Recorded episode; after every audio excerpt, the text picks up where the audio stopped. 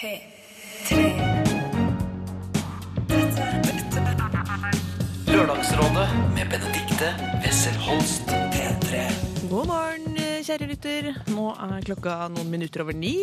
Og jeg sitter på NRK Marienlyst med litt eh, bustete hår. T-skjorta er ikke helt nedi buksa. Det er litt tannkrem i munnviken, for her har det gått litt fort i svingene for å rekke å eh, komme fram hit og være her for deg. I dag så skal vi diskutere, dissekere, vurdere og konkludere selvfølgelig i kjent stil. Eh, som nevnt tidligere så er jo vi veldig, veldig løsningsorienterte her i Lørdagsrådet. Vi kommer ikke bare med velmenende råd, altså vi bestemmer rett og slett hva du skal gjøre. Ganske snart så skal vi finne ut om en kvinne på 26 år er for gammel til å ha piercing i navlen. Det kan jo du også tenke litt på, du som sitter og hører på. Eventuelt ta en liten vurdering på egen kropp, og, hvis du har noen dobber selv, som kanskje er på tide, å ta dem ut. Vi skal også snart få møte dagens eh, rådgivere. Send oss problemer som du måtte ha. Det er P31987 som er SMS-adressen vår. Eller så sender du den på mail, hvor du kan greie ut og bruke litt eh, større plass. Det er lralfakrøll.nrk.no. Her får du Chris Cornell og You Know My Name. Lørdagsrådet på P3.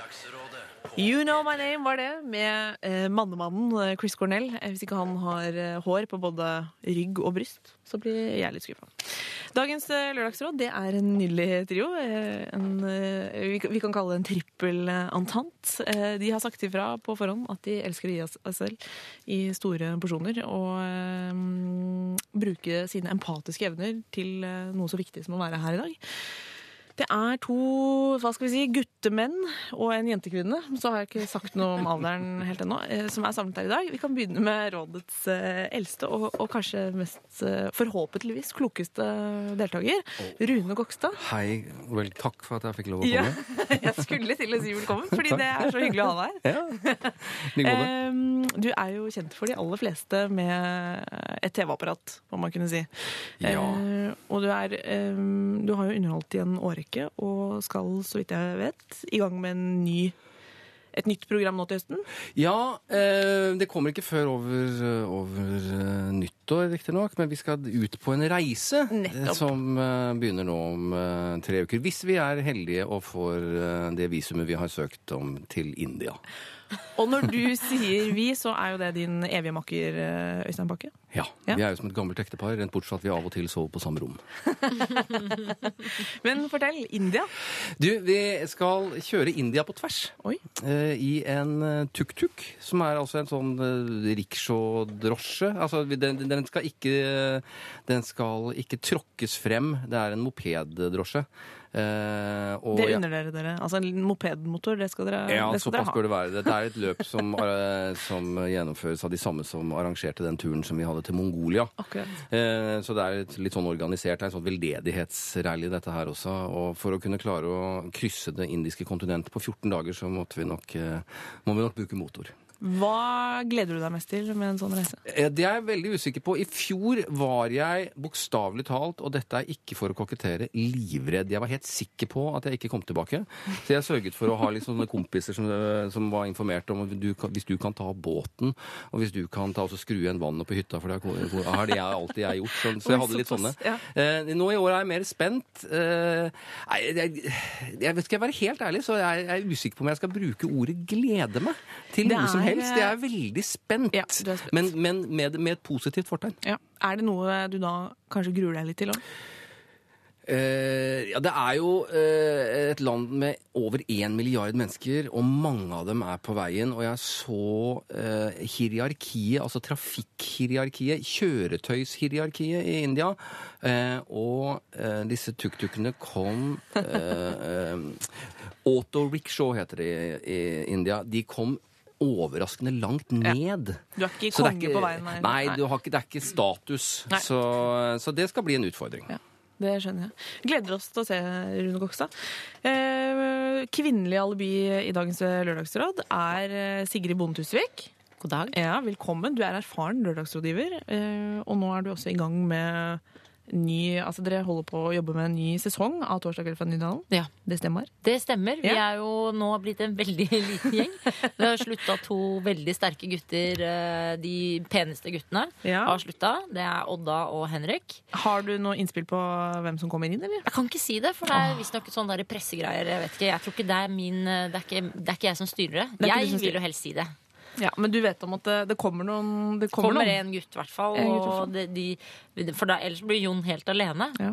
Må være Eh, naken helt og Henriette er jo tilbake. Det har jeg lov å si, tror jeg. Henriette er tilbake. Ja. Det er nok offisielt. Så da, da er vi Eh, ellers så er jo du inne i en eh, Jeg har lagt merke til at du har vært involvert i en liten sånn nakendebatt Ja, eh, siste jeg er tiden. blitt eh, den, de Ikke så- representanten ja. for alle de nakne jentene som stiller opp i Mannebladet. Eh, Ikke så farlig å være naken, tror jeg du s- sa. Jeg syns ikke det er så farlig å være naken, og det skulle jeg aldri ha sagt. For da, da ble det dårlig stemning. Det må man aldri si. Pappa ble dritsur og ringte meg og sa Eller han ringte ikke meg, han ringte søsteren min. Ja. For han eh, ringer alltid henne og skjeller meg ut, for det er mye lettere å gjøre. Så ringer hun meg, så sier hun til meg Pappa mener at du blir et objekt i samfunnet. Ja. Det var litt synd, da. Ja. Men du sitter jo her nå helt kliss naken. Og hvordan Syns ikke Det er ingen som reagerer er på det, men, men. Rune er veldig vant til eh, Ja. mye i NRK-systemet. Og du, Dikken har jo sett meg naken før. Ja, ja, ja. Eh, det er ikke så farlig å være naken, men i dag har du på klær. Går det greit, eller? Det går veldig Ja, bra. Skjønner. Ved siden av Sigrid så sitter det en uh, solbrun type med caps på. Silkemyk røst. Ganske sånn god muskulatur til å drive med klassisk musikk sånn til vanlig, egentlig. vil jeg Et objekt, vil Ja. jeg si. Didrik Solli Tangen.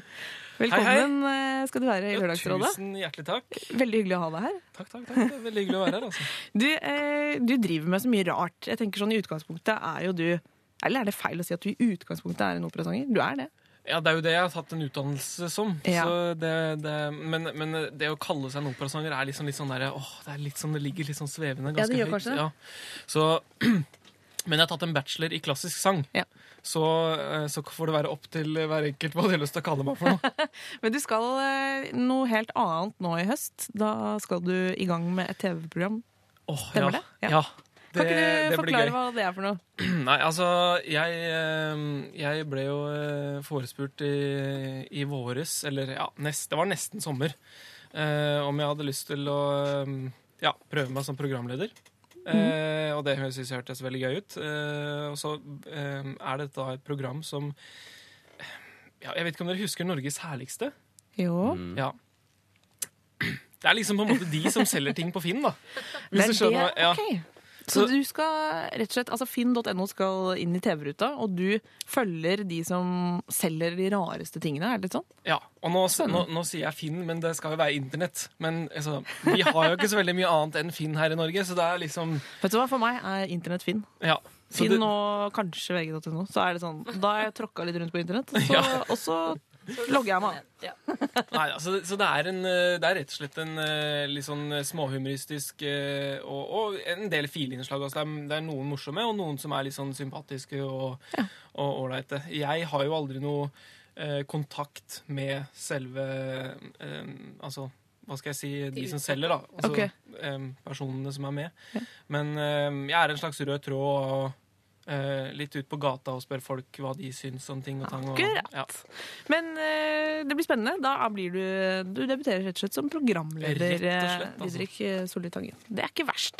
Eh, dagens Lørdagsråd vil gjerne ha problemer, eh, for det er derfor vi sitter her med kaffekopper og, og et foreløpig godt humør. Det er P3 1987 som er SMS-adressen. Eh, eller så kan du sende mail til lralfakrøll.nrk.no.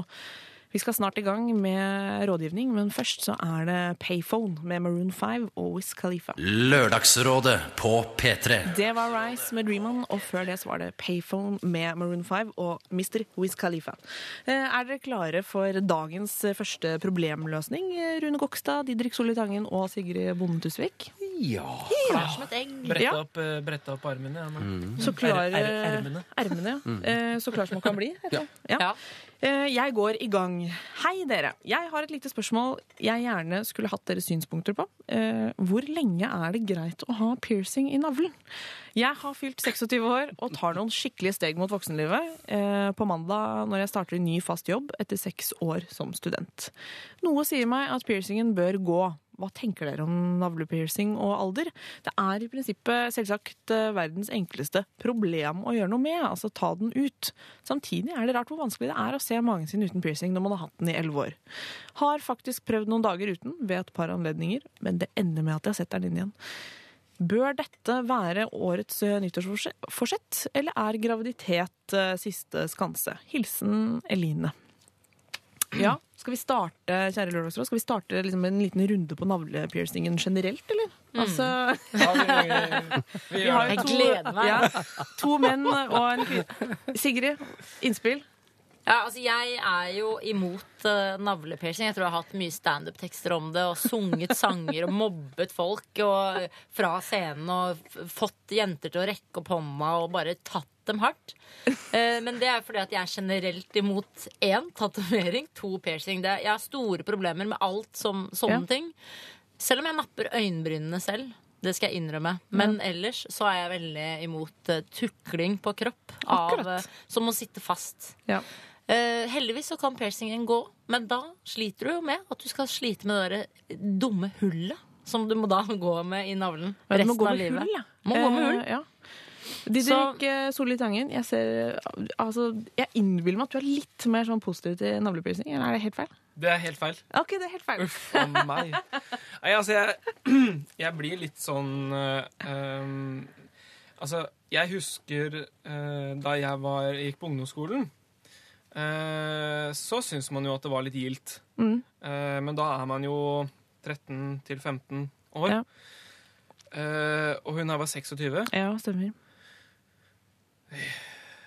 Så jeg Ja, nei, men vi skal jo ikke gjøre noen konklusjon på det nå. Jeg, jeg mener at altså, akkurat, akkurat sånn som ståa er nå, så er jeg litt sånn Jeg syns ikke det er så fint, da. Nei. Det er, eh, det er den ærlige meningen vi er ute etter, eh, Didrik. Ja. Eh, Rune Kokstad, sterke følelser rundt en navlepiercing generelt? Jeg hadde jo egentlig Det hadde fått en helt annen ordlyd hvis, hvis det hadde startet med meg. Ja. Fordi da hadde jeg vært enig med de, men nå jeg føler jeg meg liksom sånn, litt sånn programforpliktet til å ta det motsatte standpunktet. Det er jo selvfølgelig lett å argumentere for navlepiercing også, fordi eh, dette her er jo en sånn del av kroppen som til vanlig ikke er synlig. Eh, Så sånn sett så kan man jo skjule det. og, eh, Jeg synes det er eh, Jeg nærer en, en, en, en sunn og eh, evigvarende skeptisk til folk som har ring i nesen. Altså Det syns jeg det kan Det der der tilter det litt for meg, Ja, når du går rundt og ser ut som oksen Ferdinand. Ja. Og det er liksom, for jeg forstår ikke hvorfor. Nei. Men altså en sånn navlepiercing, eh, en sånn liten en i øyet, er, er helt på kanten. Men en navlepiercing syns jeg er greit. fordi det er, som sagt, du kan gjemme det under stoff. Stort sett ikke bar mage på jobb, Altså, vi, må, antageligvis. vi må huske på at selv Marit Bjørgen har tatt den bort i øyenbrynet. Og Ja. hun har Ja. vunnet så mye gull etter det. Det er sant, det. Ja. Det, det var en veldig bra karrieretriks mm. av henne. Og jeg foreslår at hun her, 26 år gammel, tar den ut. Går, tar det skrittet. Fordi det kan bli litt sånn at du blir litt sånn uh, hun gamle med piercingen i navlen. Ja, og, Og det, det skal vil du man ikke være. være. Nei, Det er ikke kult, ass. Nei. Nei, det, er, det går jo liksom en sånn slags grense for hvor lenge du skal holde på med sånne ting. Ja, hva er Ja. grensa? Ja, du som vet ja, er Nei, jeg vet ikke det, men, men uh, jeg hadde hatt, hatt ringer i alle ørene her. Og Å? har fremdeles hull. Er det Eh, sant? To i det ene sier du nå. det. Det er veldig ja. vanskelig å forestille seg, for med en gang man ser en mann uten ringer i ørene, og så skal prøve å se, se det for seg med, så er Nei, det som det er altså Behold ikke- det der mentale bildet av Ja. du, og det fysiske bildet du har av meg uten. Fordi eh, Jeg tror du herrer sånn i, ut i, i, i begynnelsen av 50-årene, der jeg er Da representanten Da Ja. jobbet du som dørvakt på den tida. Nei, jeg drev og spilte revy og var Ja, ok. eh, mye mer i din bransje enn det jeg er nå. Og da, da bestemte jeg meg for at jeg, eh, at jeg aldri skulle eh, få meg en jobb hvor jeg måtte ta ut Å, det er interessant. ringen. interessant. Ja. Så, og det, var et var for så vidt greit. Ja, ja, jeg tenkte at skal, sånn jobb skal jeg ikke ha hvis jeg ikke kan gå. Det er sant. Det er fine og regler. så, men, så, men så ble det liksom sånn, sånn Sånne ting fases ut og feides litt ut av seg selv, tror jeg. Så jeg tror at den der, Jeg tror hun kommer til, når hun blir litt grann eldre, så vil hun se seg rundt og så si at nå er jeg den eneste 32-åringen med navlepiercing. Ja. Og det vil man ikke Eh, være. Har, har jeg lyst til å være den eneste 32-åringen eh, som liksom sånn har, eh, som har har den? det. Nei, fordi dette gjelder jo egentlig, det er jo gode innspill. For vi kan jo kanskje slå fast at ja, navlepiercing, greit. Det er et typisk eh, produkt som man må ta en runde på, men det er jo ikke det eneste. Altså, vi driver jo med mye rart som kanskje må fases ut. Altså, nå, eh, Didrik Solli Tangen her sitter i studio, og han har på seg caps. Inne. inne. Ganske ungdommelig å gjøre. Hvor gammel er du, Didrik? 25. Ja, ikke sant? Når må capsen gå? Ja, altså Altså, Når, når hårvoksen går inn i håret, så går capsen. Sånn er det. Det er en sånn gyllen regel. Men eh, Nei da, altså det, det er 40 klart. år, eller? Ja, ja, altså, men, men eh, jeg husker faderen brukte kap, eh, kaps eh, i mange år. Men eh, ja, nei, det, det, er, det er liksom Du ser jo ofte liksom disse her Hollywood-stjernene og sånn Ja, man eh, gjør det. Ja. bruke caps. Da har du ofte kreft hvis de bruker caps når Ja. de er så gamle. Men, det, altså. men det er et veldig fint eh, Jeg tror det er den dagen du sier kapp og ikke caps lenger. Ja, da bytter hun da ut, ja. Jeg sier jo skyggelue, jeg. Helt konsekvens. Og det får jeg så mye deng av, av mine barn for. Uh, men jeg, har, jeg bruker det Ja. Men da bruker du sånn skyggelue med propell på, håper jeg. Ja, det er helt riktig. Litt sånn. Jeg har overtatt den etter Heismann H, hvis du husker den serien der. Men dere, eh, Eline som har denne piercingen, hun er jo åpenbart veldig glad i den. Er det noe litt fint med folk som har liksom tviholder litt på noe de faktisk syns er veldig kult selv? Altså ikke. Bare følger trend, men altså, nå har hun holdt på den der i, i årevis. Jo, hun har altså- hatt den i elleve år, skriver hun. Jeg, jeg føler at jeg er ganske sånn uh, um, Hva skal jeg si normal når det kommer til sånn uh, meninger og sånt. Jeg er ikke noe sånn sær uh, fyr. Didrik Solitangen er veldig normal, folkens. Jo, men sånn, jo, men sånn når det kommer til meninger og sånn. og og jeg, jeg føler kanskje at den, den piercing i navl-greia, den er, det er liksom litt sånn ungdomsskole, altså. Ja. Det Eh, er som delfin, eh, delfintattis på ankelen. Men ja. fordi jeg syns jo det er mange andre mer provoserende ting som jeg har vent meg til eh, opp gjennom åra. F.eks.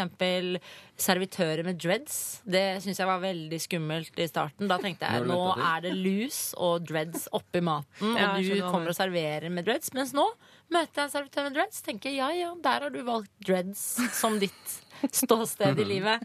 Så jeg, jeg har jo blitt liksom rausere med åra, jeg òg, da. ja. Men jeg tror det hun øh, du sier innledningsvis her, er, Ja. øh, eller et stykke ute i hvert fall, at øh, må jeg vente til graviditeten kommer, altså skal det være en slags sånn der, øh, Oi, sånn lakmustest? Ja, den ut? Ja, det, det tror jeg ja, jeg tror ikke det er det, For da, da buler det vel i alle Ja. bauger og kanter. Eh, ja. Og da bare lurer på kanskje, kanskje, ja, men Behold den til det, og så kan du se om du har lyst til å, til å, å sette den inn igjen når du har fått barn. Mm. Så kan det kanskje være en sånn derre eh, En sånn milepæl. Ja, eller, eller bare ta og gjøre det nå.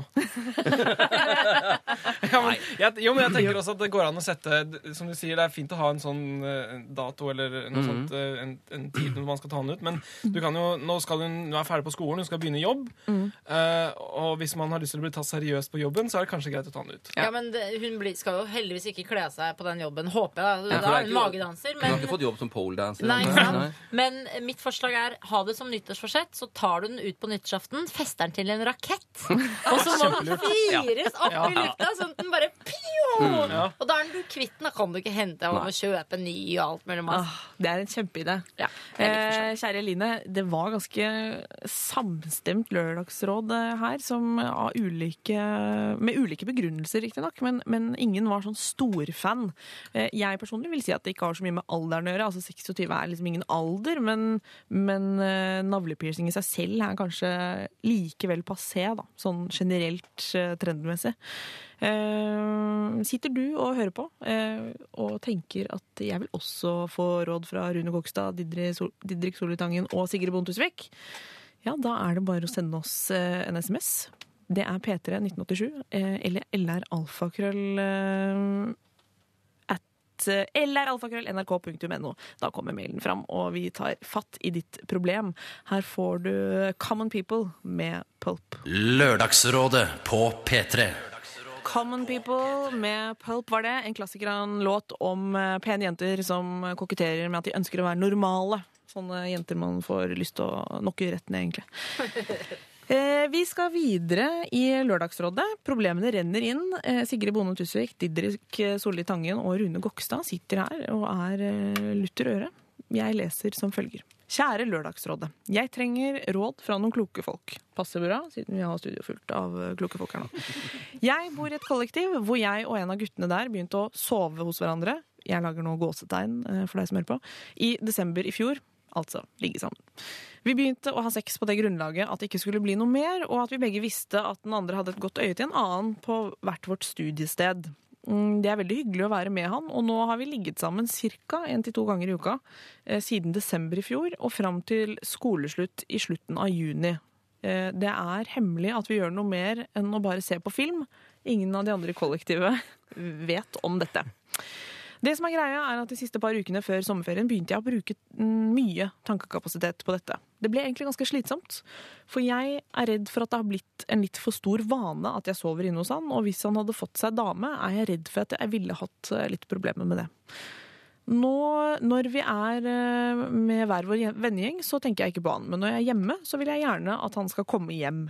Nå starter vi snart, eh, starter vi snart med studier igjen, og flytter sammen eh, i kollektivet. Det jeg lurer på, er om jeg skal si til han at vi ikke burde fortsette med det vi driver med lenger. Og, for jeg håper at denne vanen eh, forsvinner da. Eller skal jeg bare late som ingenting og fortsette som før? Det er ganske greit å alltid ha en å komme hjem til. eh, Som man ellers ikke har noen forpliktelser til. Hilsen Annika på 22. Ja, hva syns dere at Annika på 22 skal eh, gjøre, eventuelt ikke gjøre? Altså, Den bor jo i et eh, sexkollektiv, åpenbart. Er det innafor? Altså, det å se på film eh, Det var sånn film jeg også. Eh, Nei, det, jeg, jeg tror nok ikke hun er aleine om uh, det hun driver med. Nei. Men det er klart at uh, jeg tenker jo med en gang at hvis dette her er problem for henne, mm. eh, så må hun jo tenke på seg sjøl. og ikke, ikke begynne å tenke på hva han Altså, det er hun det handler om. Mm. Uh, og hvis det er hun som har fått et problem med det, så burde jo hun si ifra. Mm. Fordi hvis hun går hen og blir skikkelig forelska, da, eller eh, altså, det kan jo fort skje, Ja. så sitter du skikkelig i saksa, altså. Ja. Det er jo en lei bivirkning av å ligge sammen én til to ganger i uka. Ja, i det blir fort ja. noe greier. Men Hva, hva tenker du, Nei, jeg, Rune? jeg, jeg tror nok at en del sånne avtaler som det er der eh, At man ikke helt ser konsekvensen av det. For, for hun har jo tydeligvis vent seg til denne, disse filmaftenene. Eh, og det er klart at det er eh, Det, det hørtes veldig hyggelig ut, men, Ja, det ja. er, men det er jo vrient å, å, å, at det, å ikke la seg følelsesmessig binde også, vil jeg anta. Jeg tror det der der ligger noe sånn både fysisk og mentalt i en sånn aktivitet som det er der, som, som binder en lite grann. Ja, er, det litt så, er ikke det litt sånn det er å være 22 år, da? At man Jo. er liksom i eh, man, man tror at det å ligge sammen i Ja, jeg tror Et det er år. vanlig. Jeg har bekjente som fremdeles holder på med sånn. I flere år har de ligget sammen med andre mennesker, og så har de eh, plutselig da blitt eh, på en måte venneliggedumpet, og så må du finne en ny liggekamerat. Ja. Eh, og det er jo det jeg tror er problemet der, er jo at du hopper over den der gode forelskelsen fordi du bare skal være kul og bare ligge. Eh, og bare ja, men vi kan holde på med andre. Og det er sikkert litt sånn kult i starten, for da er man litt sånn grei, og hvis den andre er litt usikker, man vil eh, gjerne ligge. Og det skjønner jeg godt. Jeg er veldig fan av ligging eh, nå blitt, men jeg, da jeg var 22, ikke så veldig opptatt av det, egentlig. Eh, så, men jeg har skjønt det, at det er hyggelig for folk å drive på med den slags. Og derfor så, så syns jeg det er litt dumt, fordi man, man mister den derre fine fordi det er i hvert fall de venninnene jeg har snakket med som har gjort dette, de sier at det, da er det for seint. Man kan ikke etter f.eks. ett år plutselig eller i hvert fall etter to og et halvt år, da, så er det vanskelig at begge to skal bli forelsket i hverandre. Du Da, har da da har du liksom eh, plutselig. Ja, da har du Ja. liksom ødelagt egentlig en veldig fin ting. Ja. Eh, og det er litt synd, da, fordi forelskelse er jo Er det. For det første er det den beste liggingen er jo i, under forelskelse. Ja, ja, ja. Eh, og så eh, Venneligging kan ikke være så bra, tror jeg, som forelska-ligging. Egentlig. Selv om mange sier at ja, men det er spennende, og man kan liksom diskutere seg fram til spennende stillinger i venneligging, mer enn sånn at man ikke tør ting når man er forelska. Men det er, jo, det er jo også litt sånn 20, 22 å tenke at det er sånn her, jeg går i gang med et eller annet som, som ikke er forpliktende. Jeg mener, Vi skal jo bare ligge med hverandre. Det er jo ikke noe sånn, det skal jo ikke være noe, det er jo mye teknikk og tømming i bildet her. altså. Eh, så det og det, så vi behøver, vi legger ikke noen følelser i det. Eh, og det er, det er, jeg tror ikke, jeg, eh, som Sigrid sier, jeg tror, eller som dere sier, det, jeg tror det er, det er det, Som oftest så, så burde det følge noe mer med, fordi det, det gir det en ekstra dimensjon. Men det er i hvert fall ikke unormalt. Det er i hvert fall ikke noe Å sånn nei, Det er veldig vanlig. Så- Veldig vanlig. Hvis du nå, eh, Annika på 22, tror du hører på Juntafil, så er det nesten det vi driver med nå. Ja. Det er Men det- helt normalt, altså. Men det er bare innmari dumt. Så Ja, men det hun sier, at hun, hun, hun, når hun er sammen med andre venner, så tenker hun ikke på denne karen. Så dette her er, litt, det er nesten litt som å røyke. Ja, det er liksom det er sånn, jeg syns av og til kan være godt å ta en, ta, ja, nemlig, å ta en sigarett eller en sånn her sigarillo. Men når jeg ikke har det, så tenker jeg, ikke- tenker jo ikke, sitter jo ikke og tenker på det nå. Nei. Men når jeg liksom har muligheten til det, hvis Ja. jeg er alene og kan smugrøyke litt og sånn, så er jeg raskt nede i kommodeskuffen og finner frem den lille pakka jeg har gjemt, skjønner du? Du vet hvor den er, liksom. Jeg vet Ja. hvor den er. Ja. Og det er klart, hvis jeg sånn, er i en situasjon hvor jeg ikke får tilgang på denne sommerrøyken, så, så røyker jeg jo ikke. Annika har på en måte sjokolade i kjøleskapet. Ja, eh, hele tiden. Og hun bør jo på en måte bare ikke kjøpe den sjokoladen, og ta den med hjem og putte den. Altså, da har hun løst problemet. Eh, men slett. eh, Men spørsmålet er om, om hun kan bo sammen med han fremdeles. Ja, det altså, om hun kan ha sjokoladen liggende i rommet. kan de bo sammen? Og dette lille, lille sånn ideen hun har om at resten av kollektivet ikke vet noe, tror vi på det? vet jeg. Det må de jo gjøre. Filmkveld to ganger i uka som bare ender med Jeg vet ikke helt det. I hvert fall det er veldig, veldig kjedelig for de andre i kollektivet hvis de skal holde sånn ligging skjult. For sånn Ja. stille ligging er jo veldig dårlig lyd. Ja, ja, ja. Enig. Eh, går det også an å, å kommentere altså, altså, altså dette her med Må de bo sammen i det hele tatt? Kunne hun kanskje rett og slett bare flytta, eller? Jeg, jeg er litt fan av det. Jo, men du vet åssen det er med bo for, altså leiligheter og sånt i Oslo Ja. nå, vet du. Det er vanskelig. Ja. Mm. Det er 15 000 i Norge som står uten, altså. Det er grusomt, Du så hun må nok holde på plassen. det. Vi kan ikke begynne der. Nei, ok. Samskipnaden har, ikke ans har, har ikke ansvar for de venner Det er klart det er en stor minoritet som rett og slett ikke slipper til på det der vennligmarkedet.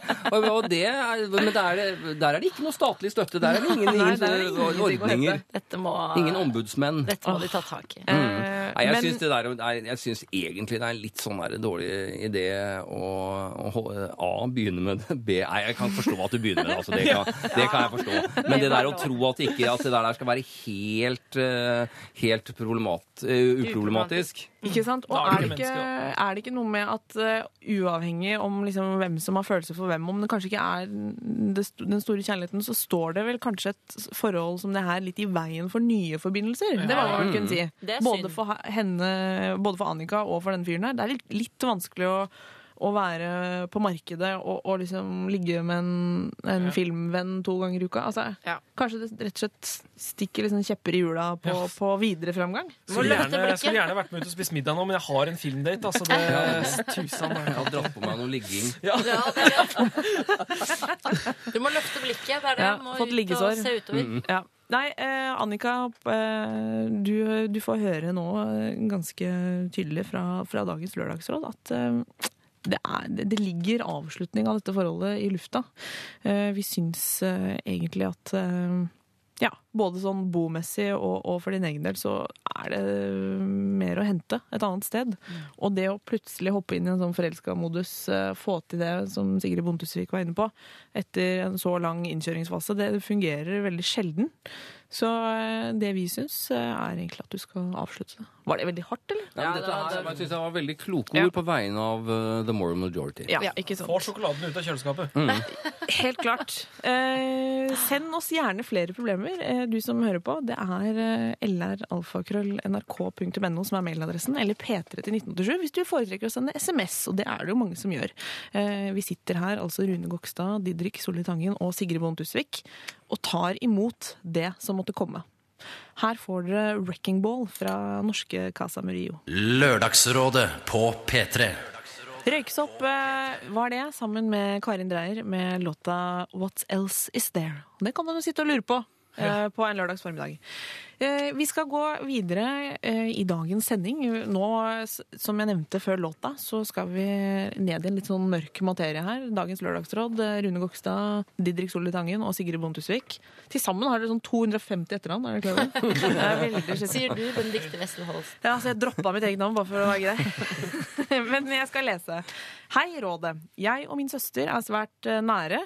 Vi setter stor pris på å være sammen, og vi har begge familier på hver vår side. Problemet er at hun har bosatt seg ti timer unna meg og, min familie. Hun flyttet til mannens barndomshjem og gjorde det for han og barnas del. Etter, endte, etter hver endte sommerferie på Østlandet er det et helvete å ta farvel med henne og barna. Svogeren min har, verken, har verken jeg eller noen andre i familien noe spesielt til overs for, for han er blant annet en meget spesiell og selvsentrert type. Jeg føler jeg bærer på en sorg og er til tider forbanna inni meg på at hun bruker opp livet sitt med feil mann og på feil sted. Hvordan skal jeg takle dette, og hvordan skal jeg fortelle min søster at hun er sammen med en dust på to bein? Parentes vet ikke om hun vet at alle rundt øh, syns han er en dust, men ingen tør å si det. Hjelp meg, Lørdagsrådet. Hilsen Vemund. Oi, oi, oi. Oi!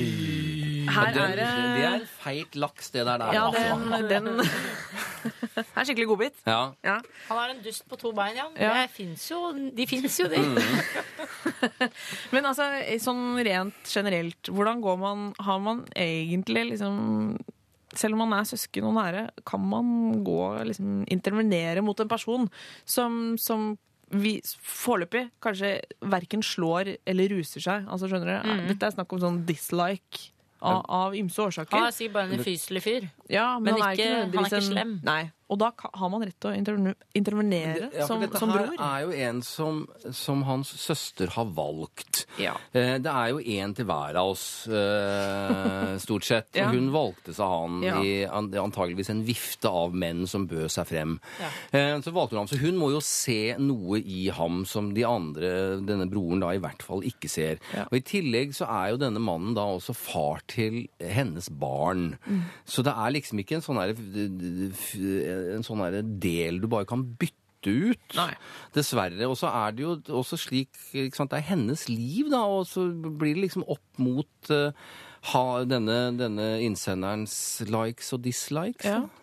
Og det er jo ofte sånn at hvis man, hvis man ikke liker eh, familiemedlemmer eh, som er inngifta, og man kommer og sier det til da, sine nærmeste, som man kan si alt til, ikke sant? fordi det er ofte sånn med søsken, man kan bare slenge ut, og bare, de må bare få det inn, liksom. Det er jo beinhardt. Det er mye Ja. verre enn en kjærlighet, egentlig. Det er jo, for det er søskenkjærlighet det er jo eh, rått. Ja. Eh, Det er ofte litt dumt, tenker jeg. Jeg prøver ofte det med søsteren. Kjefte henne eh, inn i en bane. og tenker liksom at nå har jeg virkelig gjort eh, en bra innsats her. Nå, er, nå har vi kjørt hjem til mamma og pappa, og de 20 minuttene har jeg kjefta fra hun satte seg inn, og hun har blitt et nytt menneske når vi kommer fram, tenker jeg. Men det er ofte ikke riktig. Jeg tror kanskje riktig fremgangsmåte er at han spør henne hva er det du liker med mannen din? Altså At hun kan fortelle han hva, hva, hans gode sider. For da har du to muligheter. Hun kan kanskje oppdage at han ikke har noen gode sider. Eller så kan han, broren, eh, plutselig få eh, en oppdagelse at oi, denne drittsekken, drittsvogeren på to bein, er en bedre fyr. Ja. Eller i hvert fall søsteren min ser jo på han som en kjempekar. Eh, men han får det ikke fram. Han klarer ikke, Kanskje han bare klarer å vise at han er en kjernekar for søsteren. Mens, eh, mens alle de andre bare For en ufyselig kødd. Mm.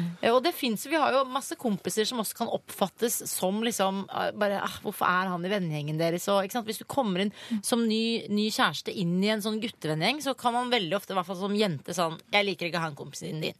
Han syns jeg er eh, veldig teit.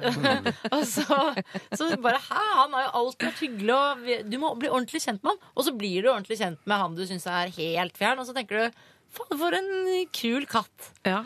Så det, Eh, det er kanskje triks mer enn å gå liksom rett i sånn Er du klar over at alle, alle syns han er dust? ja. Det er kanskje det siste hvem hun skal gjøre, eller hva tenker du, Didrik?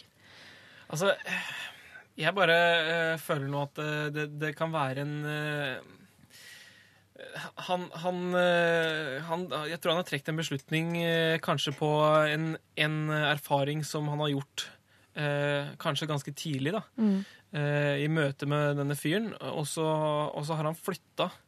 Og det der med flytting og ta fra hverandre Altså ta fra noen eh, den nærheten eh, som, man, som man er vant med, det er kanskje det verste han har gjort. Det at han på en måte har tatt henne fra Ja, det det han fra familien. Ja. Ja. Ikke sant? Og, Sant og det er jo det han på en måte har, eh, har sikkert reagert på. Og da har han ikke rekt da har han ikke rekt å, som du sier, Sigrid, at han, at han ikke har rekt å bli kjent med han på den måten, fordi han har hatt den derre Han har hatt den Han hadde et dårlig førsteinntrykk, Yes. og så har han tatt med søsteren ti timer unna. Og da blir du ikke be Det hjelper mer ikke, glad. ikke Nei, sant? Nei. hjelper ikke. Så jeg tror, jeg tror rett og slett at uh, hvis, uh, hvis han skal få et bedre inntrykk, så, så tror jeg han må, han må gi han en sjanse. Mm. Han kan ikke bare liksom hate han fordi det han har gjort. For at det, sannsynligvis så har hun, uh, hun søstera flytta med, med dit uh, frivillig, Mm. og hun bor der oppe fortsatt, og hun er sannsynligvis lykkelig hvis ikke hun har uttrykt noe annet. Så, så han, han Og det er jo ja. et ganske viktig poeng hvis Vemund skal gå i dialog med søsteren sin, så må hun først uttrykke at hun ikke er fornøyd. Mm. Da kan jo han eventuelt si sånn, vet du hva, det kan jeg forstå fordi jeg oppfatter sånn og sånn. Stemmer det? Men han kan ikke gå rett i clinch hvis, hvis søsteren ikke har sagt noe om at hun ikke er fornøyd med situasjonen. Nei, jeg syns det er mer riktig. Ja, Jeg for hadde da- kjæreste en gang ja. som, som ingen i min vennekrets likte. Jeg var begeistret for henne eh, en god stund. Ja. Eh, men det var ingen av mine venner som, eh, som var noe begeistret for henne. Kom Også, det fram på noe vis? Nei, ikke før, ikke før etter at eh, vi hadde splittet opp. Da kom de Ja. altså i flokk og sto rundt og sa vet du hva, vi har ikke villet si det, men Hun var ikke bra. hun var ikke bra. Og Men det var liksom syns sånn du, hun, du syns ja, hun var bra? syns, syns, jeg, jeg, eh, Til slutt så syns jeg jo ikke det. Men, men, men, men i sum eh, Hun kommer ut med pluss fremdeles, hun altså. Ja. Men, men hun var ikke så gæren som, som, eh, som det mine venner ville ha det til. Så der var det sånn sprik mellom, Det er det. mellom hva jeg følte for henne, og hvordan mine venner oppfattet henne. Eh, og så det der, som, sier, som Didrik sa, det der, jeg tror broren er litt sjalu. Det er litt Ja, av den biten. det? Nå skal vi ikke helt glemme at denne svogeren jo kan være svogeren fra helvete. Ja, det kan Han kan være en oppblåst Ja pokker som, som, eh, som, i- som det ikke er, går an å være i hus med, og som ikke, Ja. sånn sett ikke, kanskje ikke vil på innsiden heller. Og er kanskje på politisk sted, Ja, ikke sant, så det er- ståsted, det er en del helt på sånne andre ting. sida, og det er helt krise, kanskje. Men jeg tror, jeg tror det, det, det som du s- sier Nå skal ikke jeg eh, konkludere, men, men det siste er å begynne å skjelle på henne. Det Ja. han kan gjøre, er jo å sette seg ned og si vet du hva. Dette her er litt sånn tungt for meg, ikke minst. Du har flyttet ti, mil, eller ti timer unna, jeg savner deg veldig. Men jeg har altså noen, problemer med, med, med mannen din. Det er, jeg, har, jeg, jeg sliter veldig Mm. eh, mens dere er her, og jeg har det enda vondere når du drar hjem. Eh, bare sånn at du er klar Mm. Kan du over det. Er, kan, er det, tror er det, hva kan jeg, er det noe vi kan gjøre? Hva, kan han, kan jeg, kan vi? Et eller Mm. annet sånn. For det å, det å sette seg ned og prate om en sånn ting, det er veldig mye bedre å prate med henne enn å gå bak ryggen og snakke med foreldre. Ja, ja. Liksom sånn der, den der generelle Kanskje de må dra på sånn. Brokeback Mountain-svogertur? Sove i telt sammen og fiske laks. Skal vi se Jo, vi Kan det er den siste utveien. Ja, siste utveien.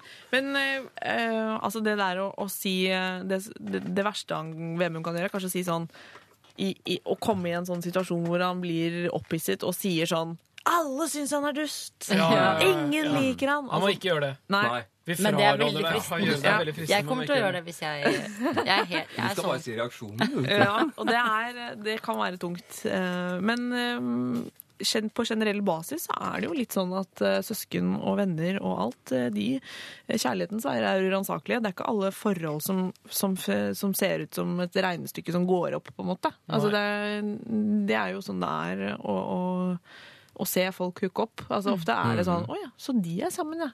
Ja. Pussig. Mm. Eh, Men da er det noe der allikevel. Det er nettopp det, så du må spørre hva Ja. er de gode sidene. Ja. For plutselig bare Å ja, er det derfor du liker han? Ja, men det er levelig. Mm. Og dette her er jo da tydeligvis søskenkjærlighet. Altså Han har litt sånn kjærlighetssorg, han, tror jeg. Det er hyggelig. Ja. Det er så koselig. Men ta en prat med søsteren din, du. Ja. Og så, og så tar, du det, tar du det derfra. ja det er- Fordi det nytter ikke å gå rundt og snakke dritt om andre bak ryggen til folk. Nei, og da Det- vokser det også kanskje problemet i størrelse. Yes. Plutselig er det Nå ble det sånn konfirmasjonsradio. Ja. Vemund, hørte du dette? Eh, du må holde den, eh, den forbannetheten må du fortsette å holde inni deg, og så får du heller prøve å jobbe med den med å gå i dialog med søsteren din, som helt sikkert savner deg også. Eh, og, og vi senser en liten sånn kjærlighetssorg hos deg, som er veldig fin, men, men litt grann destruktiv. Eh, Tross alt. Eh, og, og da gjelder det å komme ut eh, på andre siden uten å ha liksom såret folk unødvendig. Og når folk bor ti timer unna, da er det også litt sjeldnere kontakt. Og da blir det desto viktigere at det man har av kontakt, eh, går seg til litt. For det er så kjipt å krangle, og så er det påske neste gang dere treffes. Ja. Amen. Yes! Eh, send oss gjerne flere problemer hvis du, hvis du har noen. Da. Det har jo de aller fleste. De kan være store, små, eh, pinlige eller bare perfekt eh, å diskutere. Vi, vi tar det imot. Det er lralfakrøll.nrk.no eller P3 til 1987. Eh, her får du Pyro med Kings of Leon. Lørdagsrådet på P3. Pyro med Kings of Leon var det. Og vi skal faktisk holde oss litt i dette eksplosive hjørnet. eh, Om litt eh, faktisk eh, Om enn i en litt mer delikat problemstilling, faktisk. Eh, Jeg leser Hei, Lørdagsrådet. Jeg har et ekkelt problem. Har en kjæreste som har ekstremt dårlig kosthold, og som stort sett, som stort sett består av tyggis og Farris. Det gjør at han promper og raper hele tiden. Og det syns jeg er ugreit. Det går vel en åtte-ni tyggispakker om dagen, og de svelges sammen med en god del Farris. Hva gjør jeg for å få han til å slutte med dette? Det hjelper ikke å si at tyggis oppholder seg i kroppen i mange år. Håper på raskt svar, for jeg er lei. Ha en strålende vakker dag. Hilsen Magnus. Hvordan det Eh, å leve på Farris og tyggis? Ja, Det er jo første spørsmål ut. eh, Helt enig, Og Didrik. så var det en pike. Dette var en dame. Nei, dette. dette er et guttepar. Eh, og, det et er- guttepar, ja. ja. okay. eh, Og jeg lurer på om det kanskje er noe seriøs slanking på gang. Altså tyggis og Farris. Som Mm. kvinne så blir jeg alltid litt interessert hver gang jeg hører om en farlig sykdom eh, i eksotiske land som gjør at du raser ned i vekt på, på eh, to dager. Så tenker jeg sånn Litt spennende. Kanskje det er verdt å få, Ja, få, du, få det. ikke snakk for mye til Rune om det, for han skal til India. Det er tarme, tarmenes land. Det går en serie nå på Discovery Channel som heter et eller annet sånn derre nå, jeg, jeg, ja, Jeg så det. ja, Det gikk nå i forrige uke. Nei. Åh, ja, jo, okay. men, jeg eh, tror at det er eh, etter eh, Ja, Hva er det de fordi, driver med for det tyggis første, Hvis man skal Farris? slanke seg, så må man huske på at man blir tjukk av Farris, har jeg lest. hvert fall, For det er det som er morsomt med Farris.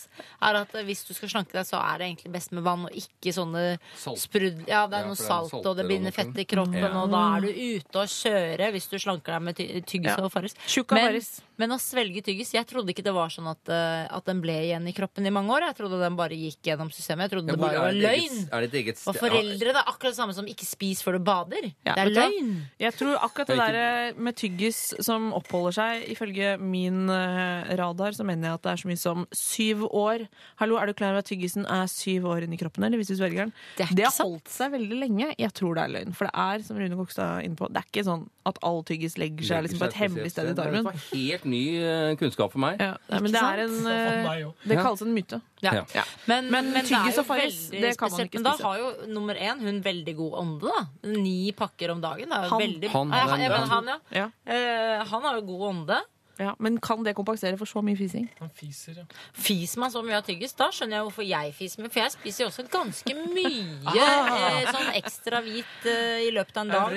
Ja. Men, men her, her eh, lurer jeg på om ikke Jeg skal ikke si at kompetansen er litt grunn rundt bordet, men her, har vi med en, eh, her skulle vi jo hatt eh, både en psykolog, en psykiater Ja. og en ernæringsfysiolog. Altså. Ja. Fordi ni pakker med, med tyggegummi, det er ganske mye. Jeg, jeg stjal én eh, tyggegummi av en enkeltpakke som min datter hadde liggende på rommet, og det er Jeg holdt på med den ganske lenge. Ja. Eh, vedkommende må jo være kjedetygger. Ja, ja.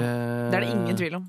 Og så svelger og, i og så tillegg, da, ja, så gjør han det kunne- det første jeg ville bedt ham om, Ja. var, uh, var fordi is- isolert sett Det å tygge tyggegummi er greit nok, og isolert sett det også, å drikke Farris er det heller ikke noe nødvendigvis noe galt i. Hvis det da ikke overdrives. Men, men få han til å spytte den ut! Ja, en- det kan, kan vi ikke begynne Kan der? ikke begynne med det, da. Ikke svelg tyggisen. Nei. Eh, sånn på generell basis. Ja. Fordi det tenker jeg, dette er et par, og, og kan man dette med partnerens matvaner, det kan man jo faktisk eh, ha krangler om. Eh, er det Har man egentlig lov til å liksom virkelig legge seg opp i hva Jeg trodde du skulle komme med noe mye verre, for å si det sånn. Eh, For man, altså, man har jo sikkert god ånde, og, Ja. men det er mye fising. Men altså, Og det er raping, jo faktisk. kanskje pro for Man må tenke på at uh, her er det et par Jeg også er jo irritert på min kjæreste på mange områder. Det er mye frossenpizza. Ja. Eh, Samme her, faktisk. Og det er jo en manneting, kanskje. Jeg vet ikke, Er dere også litt på frossenpizzapakka, eller? Prøver å unngå det. Nei, jeg unngår det. i- Ja. Men det er noen menn som har en tendens Jeg er jo også veldig glad i Grandis. Altså til frokost, for eksempel sånn eh, søndag klokka tre. Da er jeg veldig glad i Grandis. Det er Men, glad i eh, Grandis til frokost, men det er ikke noe hemmelighet at mange par krangler over hva den andre spiser. For eksempel hvis den ene er blitt veldig sunn, så er det sånn hvorfor skal du holde fast i det derre dusteregimet ditt med, mm, med med tang og tare. tare. ja. Og så skal hun, Altså, det er like ille den En ubalanse der. Ja, men, så det er der, det, det er der problemet ligger. Kan man si til kjæresten sin eh, eh, Du må slutte. Ikke Mm. sant? Eller altså man, man blir jo så irritert at uh, Ja. eh, min kjæreste ringer jo meg da hvis han oppdager plutselig Å, shit, nå har jeg For jeg kan jo være dritsur på sånne masse ting, og så ringer han og 'beklager, jeg har glemt å trekke ned i dass', for eksempel. Eh, Så kan skje. Det kan skje. Ja, kommer på bilen. Eller her forleden dag. Eh, hvor er bilnøkkelen? Den ligger inni bilen, og bilen har bare stått på gata nå i tre dager. Det syns jeg er sånn interessant, da. Eh, da får du en forklaring på Oi, det var ikke meningen, liksom. Da får du den telefonen. Du, nå har jeg kommet på hvor bilnøkkelen er. Den er i bilen. Ja, det har jeg skjønt. Jeg sitter i bilen. Ja. Jeg kommer på en ting, Sigrid. Jeg eh, datet en eh, fyr en gang. Ja. Eh, og jeg er jo jeg vil si jeg er over gjennomsnittlig glad i kjøtt. Eh, og han var eh, vegetarianer. eh, som faktisk var noe jeg tenkte litt på underveis i prosessen. Sånn, er jeg villig til et liv med liksom Alt er sånn todelt. Han velger linser, jeg velger entrecôte.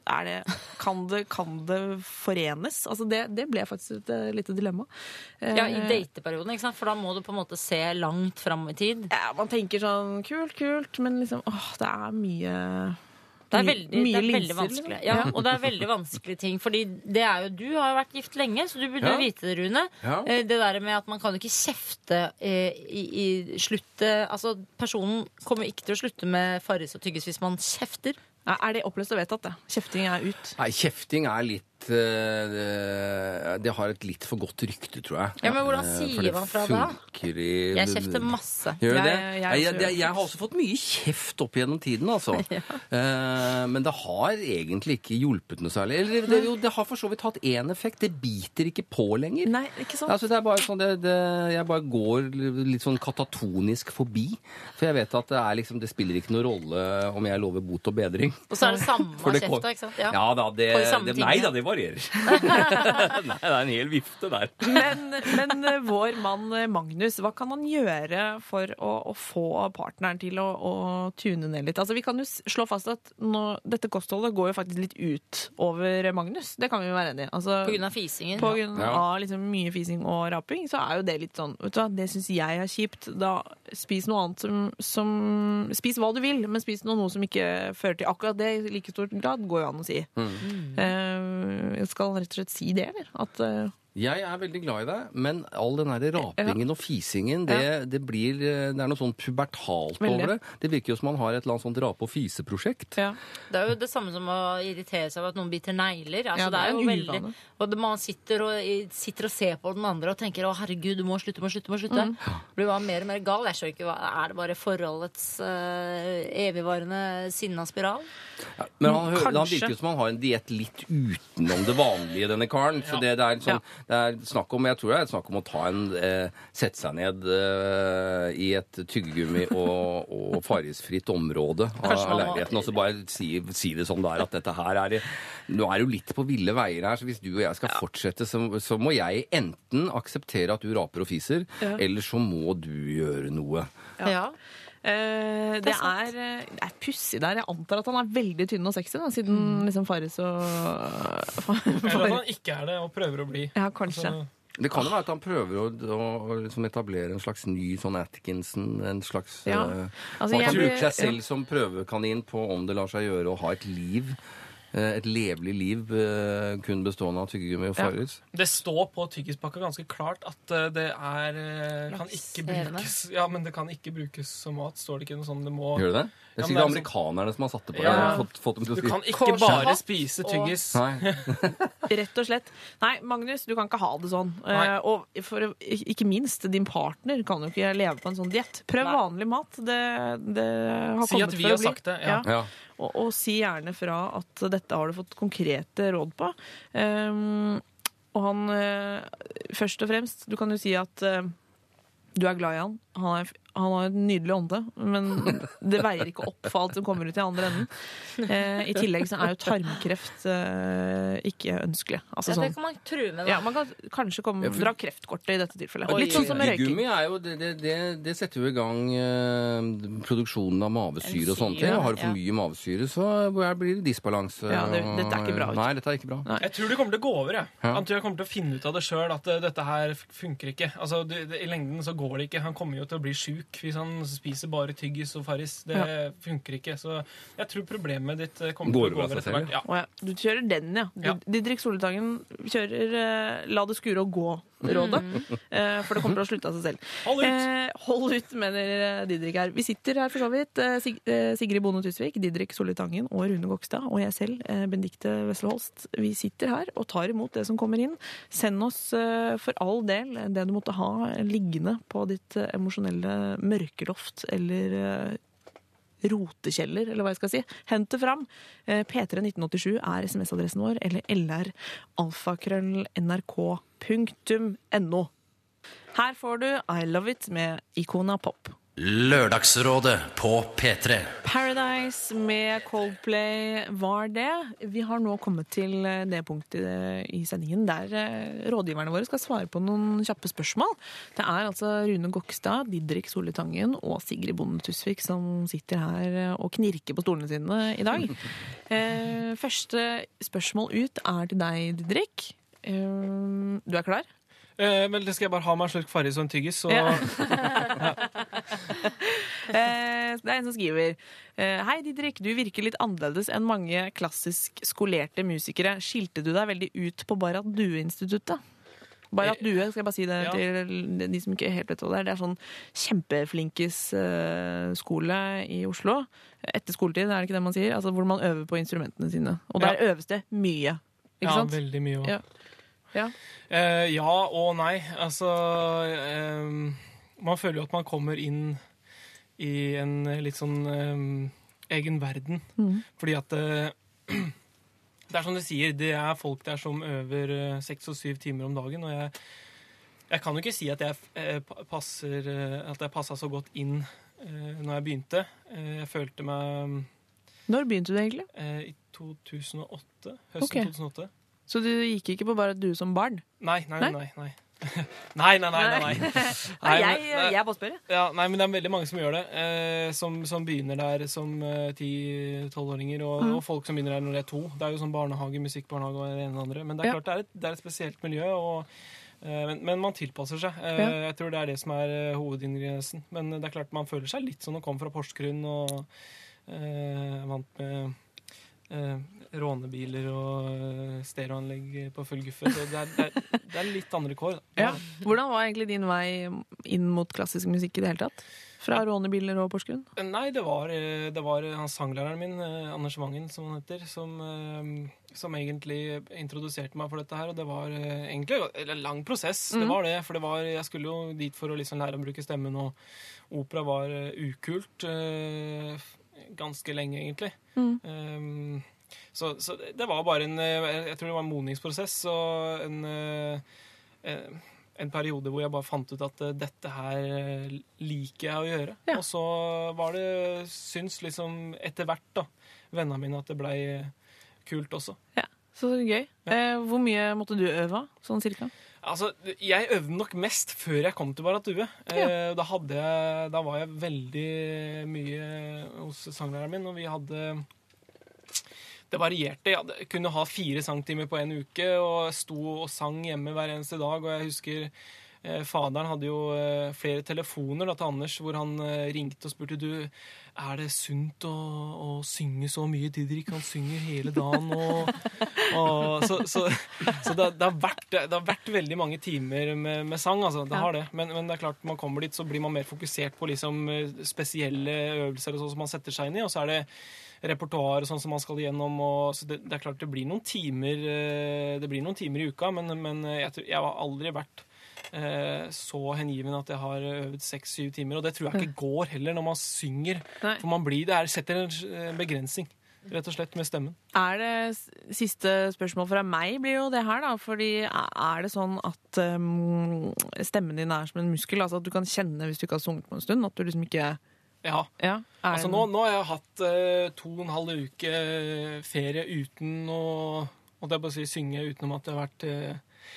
På fylla eller Ja. noe sånt. Altså, jo, men man, når man er ute, så synger man eh, Jeg prøver å unngå det, men det er vanskelig. Å ja, du begynner å synge når du er i godt humør? Ja, det gjør man jo, ikke sant. Når jeg er ute og liksom holder på. Som oss andre? Ja, på dansegulvet, Ja. liksom? Ja, kult. Så, men, men eh, man merker jo det. Altså At man er ute av trening. Og man må jobbe seg litt opp igjen. Og man, det, er så, det er kondis Mm. eh, på, på stemmebåndet også. Man, man kjenner at eh, OK, nå, hadde jeg, nå har jeg ikke så kondis som jeg hadde før sommeren. Mm. Man kjenner at man blir fortere sliten. Altså I den form at man skurrer kanskje tidligere enn man Mm. Ville gjort ellers. Ja. Det syns jeg er gøy å vite. Mm.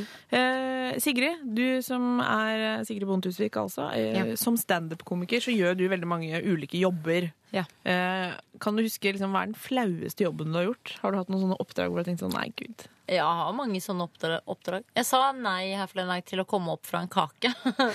det var så jeg ble flaut, og da var jeg flink til å si nei. Ja. Men ellers så er det mye Det er jo gøy òg, men altså, har du noen gang opplevd sånn å nei, det her går ikke bra, eksempel? Altså sånn Ja, det skjer jo.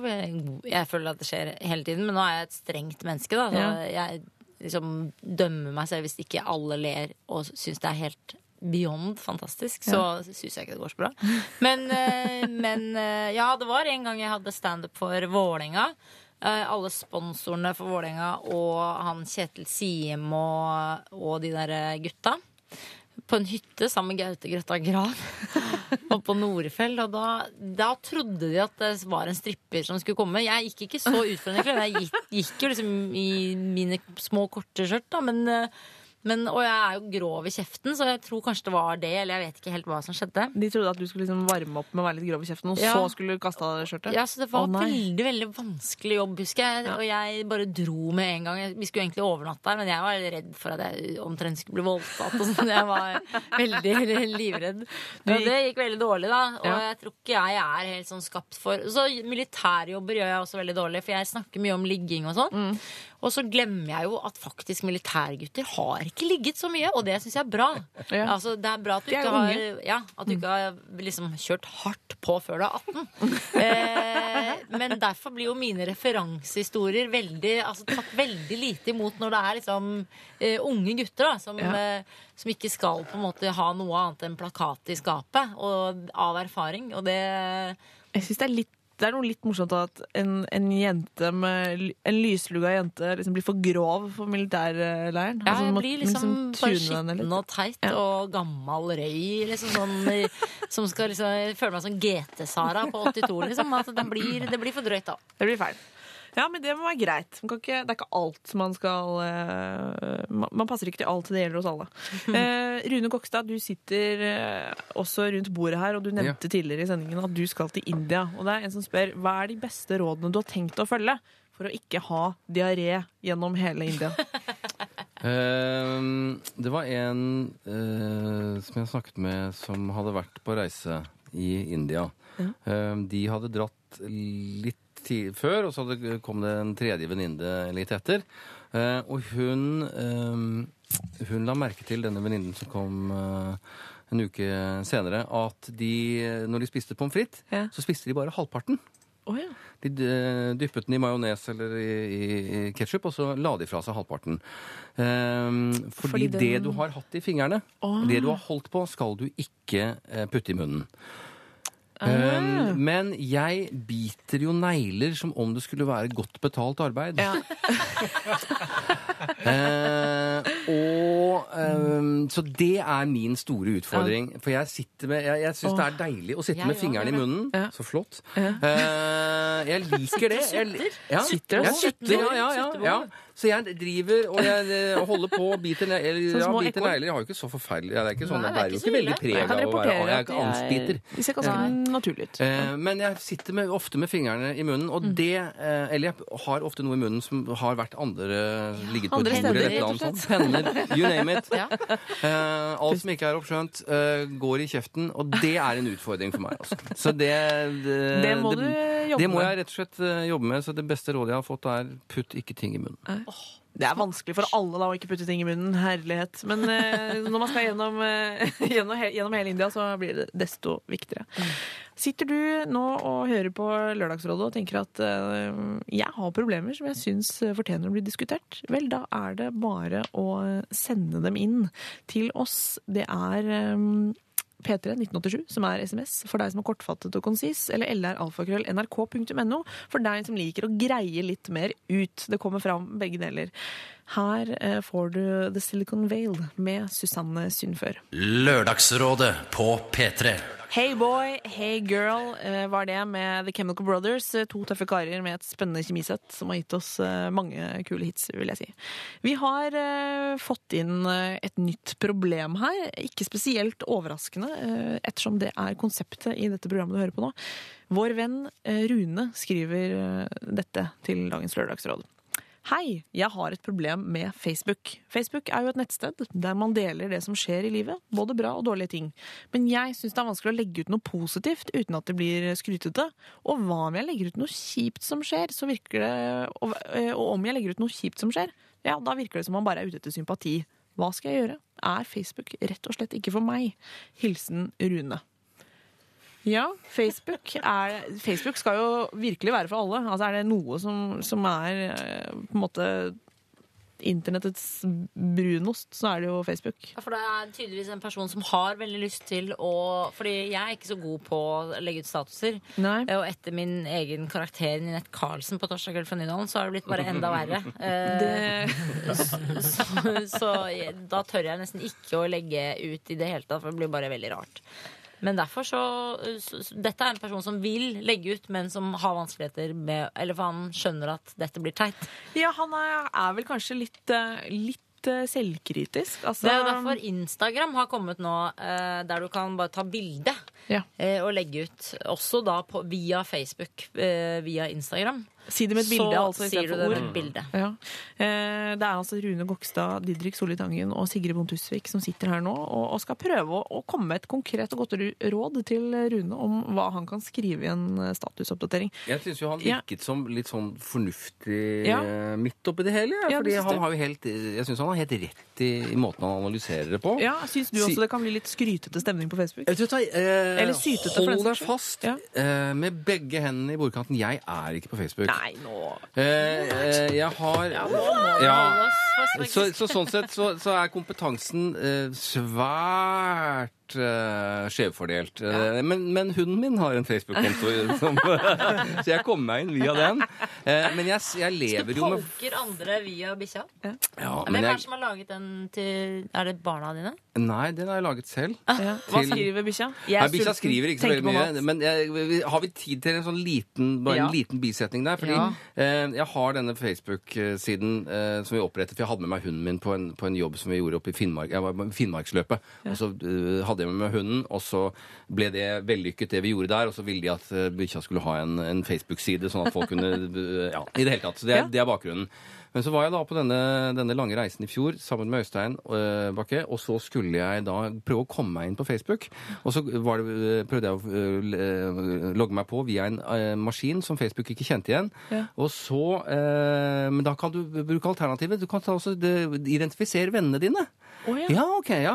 Og jeg har helt ukritisk takket ja til absolutt alle som har meldt seg. Alle, alle Cairn-terriere i Norge pluss alle Punsje-eiere. Så jeg har vel, bikkja har vel 500 venner, og jeg kjenner ingen av dem. Så der kom det opp et, en sånn der fin bunke med bilder. Jeg tenkte, hvem, hvem er dette? Hun ber meg om å identifisere. Aldri sett vedkommende. Prøve neste.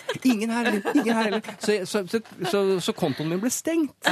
Så det er litt, eh, litt tungt. Men det vedkommende eh, virker jo som han er fornuftig, fordi eh, så vidt jeg har forstått Facebook, så er jo dette her et slags torg som man kan dele alt mulig på. Jeg liker at du bruker ordet torg. Ja. jeg, jeg syns det er litt hyggelig at vi har en i Lørdagsrådet som har hørt at Facebook er litt som et torg.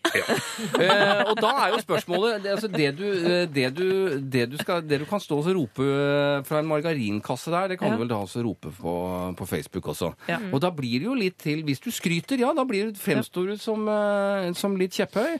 Og hvis du ikke er så fornøyd, så er du en syter. Ja. Og da må, så er det, må du jo balansere det, da. Ja. Det blir jo som å sitte og sutre på en fest på, på, øh, på kjøkkenet. da. Du sitter Ja. og sipper. Eller skal du stå du inne i stua og river av deg Ja. singletten og, sant. og viser frem. Fine sant? Bilder, det, er- det, er- bilder, må, må, det der der må balanseres.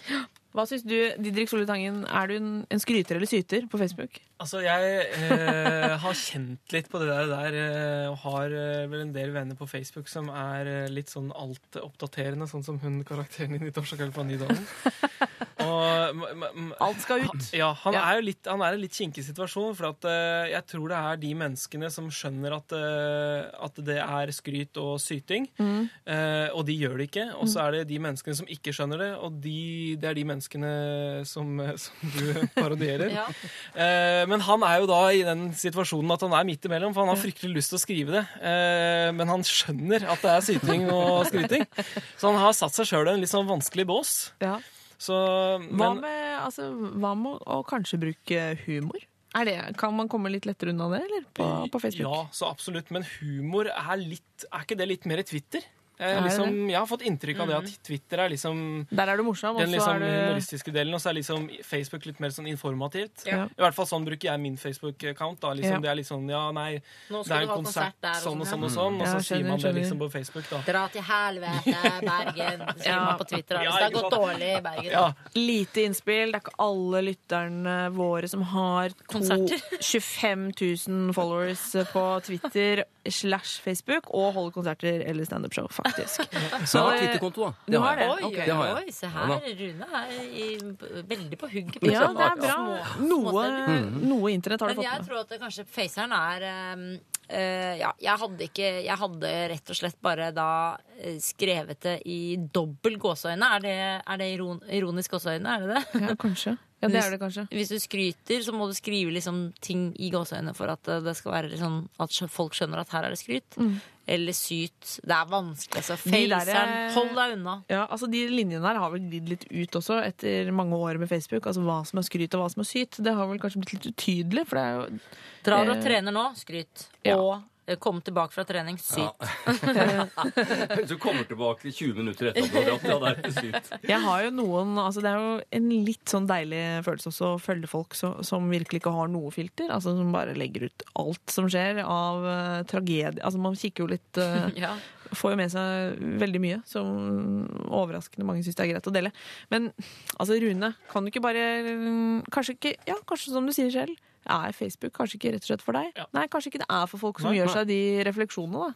Da, da, da får man heller uh, bare kikke på hva de andre gjør, framfor å plutselig begynne med det samme selv. Er det ikke litt sånn, da? Kan være like så gøy, det. Ja, kan være like så gøy det. Ellers så kan det jo komme noen observasjoner, eller prøve å underholde litt. Det er ikke alltid det er så interessant hva folk har fått til, eller hva folk er lei seg for. Det fins jo noe imellom der som Ja. kunne vært noe. Ellers får du bare dundre på med et sånn blunkesmilefjes og bare bli ferdig med det. Ja, ikke sant?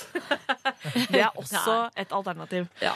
Eh, P3 1987 er eh, SMS-adressen vår. Eh, lralfakrøll.nrk.no er eh, mailadressen eh, hvor du kan skrive inn det som måtte plage deg eller berøre deg, eller eh, noe du har lyst til at vi i dagens Lørdagsråd skal eh, diskutere. Inntil videre så kan du få lov til å henge litt med Robin med Hang With Me. Lørdagsrådet på P3. Det var norske Islands med Det var norske Casadores med Islands, faktisk. Og før det så var det kvinnen som innførte undercut i samfunnet, Robin, med Hang With Me. Eh, Kjære Didrik Solli Tangen, Sigrid Bonde Tusvik. Du også litt eh, på, på Robin-sveisen, faktisk. Jeg Eller- prøver. Ja, det er, Jeg tør ikke å være så du er ikke så, så offensiv men du har en nydelig kort nakke der. Eh, Og så har vi jo Rune Gokstad også her, som er Også kort i nakken. Veldig kort i nakken. eh, hei, Lørdagsrådet. Jeg har noe på gang med en gutt. Han er i mine øyne drømmegutten som jeg har vært forelsket i lenge. Vi henger mye sammen og finner på typiske kjæresteting, eh, men her om dagen skjedde det noe som ikke burde skjedd. Jeg, han spurte om vi skulle gå på kino, og han ville gjerne se en skrekkfilm. Jeg hater skrekkfilmer fordi jeg blir så redd og kvalm, men jeg turte ikke si det til han. Så jeg lot som ingenting, prøvde å tøffe meg og satt, ned, eh, satt meg i kinosalen sammen med ham. Da filmen hadde holdt på i noen minutter, kjente jeg at jeg hadde fått nok. Jeg sa til han at jeg måtte på do, og gikk ut. Jeg turte ikke gå tilbake, eh, så jeg ble sittende på do noen minutter før jeg gikk hjem. Men han så filmen alene. Nå er han sur på meg, og dette har blitt en stor greie. Han tror faktisk ikke på meg når jeg sier at jeg gikk pga. filmen, og at jeg Uh, og jeg nå er redd uh, for at han skal miste interessen for meg og synes at jeg er teit. Uh, Men sannheten er at jeg bare stakk fra ham fordi jeg er så redd for skrekkfilmer. Hva skal jeg gjøre? Kjære Lørdagsrådet. Hilsen Kine, som faktisk er i 20-årene. Tenk litt på det. Så redd kan man være. Eh, altså, hva, hva gjør man eh, med dette? Er det, er det lov holdt jeg på å, si, å være så redd for skrekkfilmer? Er, tror vi på det? Ja. Sigrid, du, er du redd for skrekk? Jeg er livredd, så jeg ser jo ikke på skrekkfilmer på kino, da, for jeg må eh, tisse mange ganger eh, under filmen, sette på pause okay, du må og ja. hyle sånn høyt og sånn. Ja. Og, og pluss at jeg går jo i søvne da garantert og den natta og ser eh, mordere og annet snask rundt i hele leiligheten. Så jeg er jo helt eh, Du er helt på linje med Kino, du. Ja, men jeg syns jo det er litt altså, Selvfølgelig syns han, er- han hun er dust som har tatt rottetrikset på en date. Det Ja, er jo det ikke er jo lov. det som ikke er lov. Rottetrikset er altså da stikke av uten å si fra. Det er rotte, rottete å gjøre, og Ja. det skal ikke være lov. For du må jo Rottetrikset kan si fra på forhånd at du er redd for å se på skrekkfilm. Det er, jo, det er jo det som er minst teit, men det Ja. som er teit, er å gå fra en date Ja. uten å hvert fall ikke sende en, Du må sende en SMS da, og skrive eh, jeg er så redd nå, og jeg er helt nerd. Sorry. Eh, herregud, hilsen verdens teiteste menneske. Da, kan du, da har du liksom kommet deg unna. Og det er Ja. visse grenser. Bare stikk av. Det er jo helt jævlig. Han må jo ha trodd at hun hata han. Ja, ikke sant? Jeg hadde fått så dårlig selvtillit som gutt og jenter generelt hvis en jeg har bedt med på date på film, har dratt. Nå skal det jo da sies at han ble sittende igjen i kinosalen. Jeg vet ikke om han gikk på utsiden for å lete etter henne, men han, han gjennom, han gjennomførte jo Han da gjennomførte. filmen alene etter at hun hadde gått. Mm. Men han hadde vel brukt en hundrings på billetten, ja, så han ville vel, ha, ville vel ha igjen pengene sine. Denne filmen skal jeg se ferdig. Selv. Ja. Men eh, Didrik, har du noen gang hatt en eh, date som måtte gå, eller fordi hun ble så redd? Nei, faktisk ikke. Men eh, nå skal det sies at eh, dama mi hun er ganske redd for skrekkfilmer. Hun vil ikke se, men det- det er hun åpen på. da. Ja. Så, eh, så hvis jeg får lurt henne til til å se, så da, da blir det holdning i hendene og Men sånn. den. Ikke sant? Er ikke det hele poenget med skrekkfilmer? At det er sånn, da skal uh, man bli redde, komme veldig tett inntil hverandre. Og hva skjer da? Jo, det kan bli klining osv. Det er jo derfor det går Det er derfor man drar på skrekkfilm Tror du det er kino. man lager skrekkfilmer? Ja, er det ikke det? Jeg sliter med japanske barn den dag i dag etter The Grudge. Eh, Jeg er helt sikker på at de skal drepe meg. Bare jeg ser en unge med åpen munn, så tenker jeg bare her er det noe som kommer til å skje. Så, eh, så jeg var med, og Pluss at det er veldig typisk gutter at de ikke skjønner hvor redd man blir. Så de tar opp disse skrekkfilmtingene igjen. Sånn derre eh, ja, ikke Ja, og skremme med vilje. ja, det er veldig Det går faktisk an å bli veldig veldig skremt, ja. Og det, det kan, man kan bli så skremt at, eh, at det rett og slett ikke er noe morsomt lenger. Men det er jo helt som du var inne på, Sigrid. Det at hun forlot en fyr i kinosalen, det er jo ikke så rart at han tror at hun ikke er keen. Hvorfor kan hun ikke heller bare sitte med hendene i og lukke øynene og ørene? Det gjør alltid jeg. Ja, det hjelper. jeg og da ser hører jeg ingenting og ser ingenting. Og ser ned, ofte med pute eller jakke over. Så da, det er et triks, mener jeg. Da Da har du vært i kinosalen, du har vist at du er redd, men du har ikke tatt rottetrikset. Nei. Nei. Jeg har en kone eh, altså Jeg lever, i en litt sånn diametral motsatt verden. For er, hjemme hos oss er det min kone som liker skrekkfilmer. Eh, eller grøssere mer. Ja. Eh, mens jeg kan ikke fordra det i det hele tatt. Eh, men ja, da, da, når vi ser eh, sånne filmer hjemme, de, en sjelden gang vi gjør det, så ser jeg fjernsynsskjermen via stuevinduet. Ja, Åh, det er kjempelurt. For da er det sånn liksom ikke Da ser jeg ikke på- TV. Da ser, men det er litt vrient å få til i en kinosal. Må ha med Eh, vindu. Ja, Eller speil. ja, det er, nei, så det, jeg pleier, ellers, så, ellers så pleier jeg å ta, ta tommelen og pekefingeren, på, og så ser jeg inn i det, og setter jeg de to sammen, så får man et lite kvadrat, og så ser jeg gjennom der. Og så hvis det er veldig skummelt, så press, kan jeg lage det veldig mye mindre, så at det bare så, så vidt jeg ser noe som helst. Så, så det, er, det er noen måter å gjøre det på. Ja. Men som du sier, det der det å, å stikke av, det er erteberta sukkererta. Og så har hun jo da tydeligvis eh, et problem, og det er at hun jo ikke blir trodd. Ja. Han tror henne ikke når hun sier at jeg gikk fordi jeg var så redd. Fordi jeg vil vel tro at, at, at sviket er så stort at han, han vil eh, ha litt problemer med å tilgi henne, rett og slett. Det klassiske skrekkfilmsviket. Eh, men hvis, eh, hvis Kine får denne gutten til å laste ned i etterkant av denne sendingen, podkasten, og, og kan få høre at det faktisk ikke bare er Kine som er så redd eh, for skrekkfilmer, at hun eh, ikke vet hva hun skal gjøre, men også Sigrid Bonde Tusvik og Rune Gokstad, som har vist oss nå forskjellige triks hvordan man kan både holde seg for øynene og se gjennom fingrene i et bitte, bitte lite åpning, hvis det er for skummelt. Ja. Didrik Solli Tangen derimot, han tar det ganske rolig. Ja. Jeg, tenker eh, Den er litt grov, altså, men eh, hvis hun tar den med hvis hun, Jeg tror det løser seg hvis du tar den med på den samme kinoen, og så kan hun ta sugetrikset. Jeg vet ikke om dere har, om dere har hørt om det trikset? Nei, det vil jeg Ja, ja. Nei, gjerne det er Er det interessert suging, rett og slett? Eller? Ja, ja, hvorfor ikke? Ja. Oi, det er jo veldig ja, men Det det, tror jeg er straffbart, men ok. Kjempetriks! Ja, men da tror jeg aldri turt i offentlig sal. Offentlig rom, offentlig rom. Men da må du være bakerst, da. Bakerst. Ja, ja, ja, ja, ja. ja, du må tenke litt. Da. Har du blitt utført Nei, faktisk ikke, men det er en sånn drøm jeg har. da. Det er, Ja. Det er veldig dette fin er bra. drøm. Eh, Kine, du skjønner jo hva skrekkfilm handler om. Det er jo, det er jo en inngangsportal til å, å komme Til suging. To the physical parts. Ja!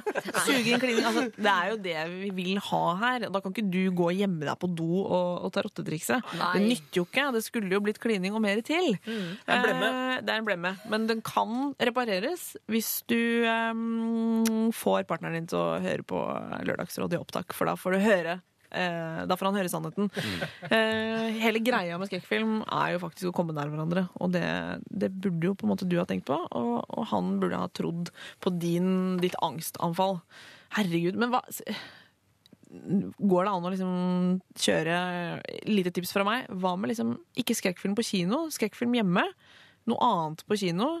Eh, bare sånn for å komme over den kinokneika. Mm. For det er noe med det å sitte i en stor sal òg, ikke sant. Ja. Det er, det, og det er, det er et stort, mørkt rom. Ja, ja, ja, Han blir ja. skremmende i seg sjøl. Ja, Det er ja, skremmende i seg selv. Noen har jo problemer bare med, med, med kinosalen, har jeg hørt rykter om, om å ta, faktisk gå ut og ta en liten pause fra det.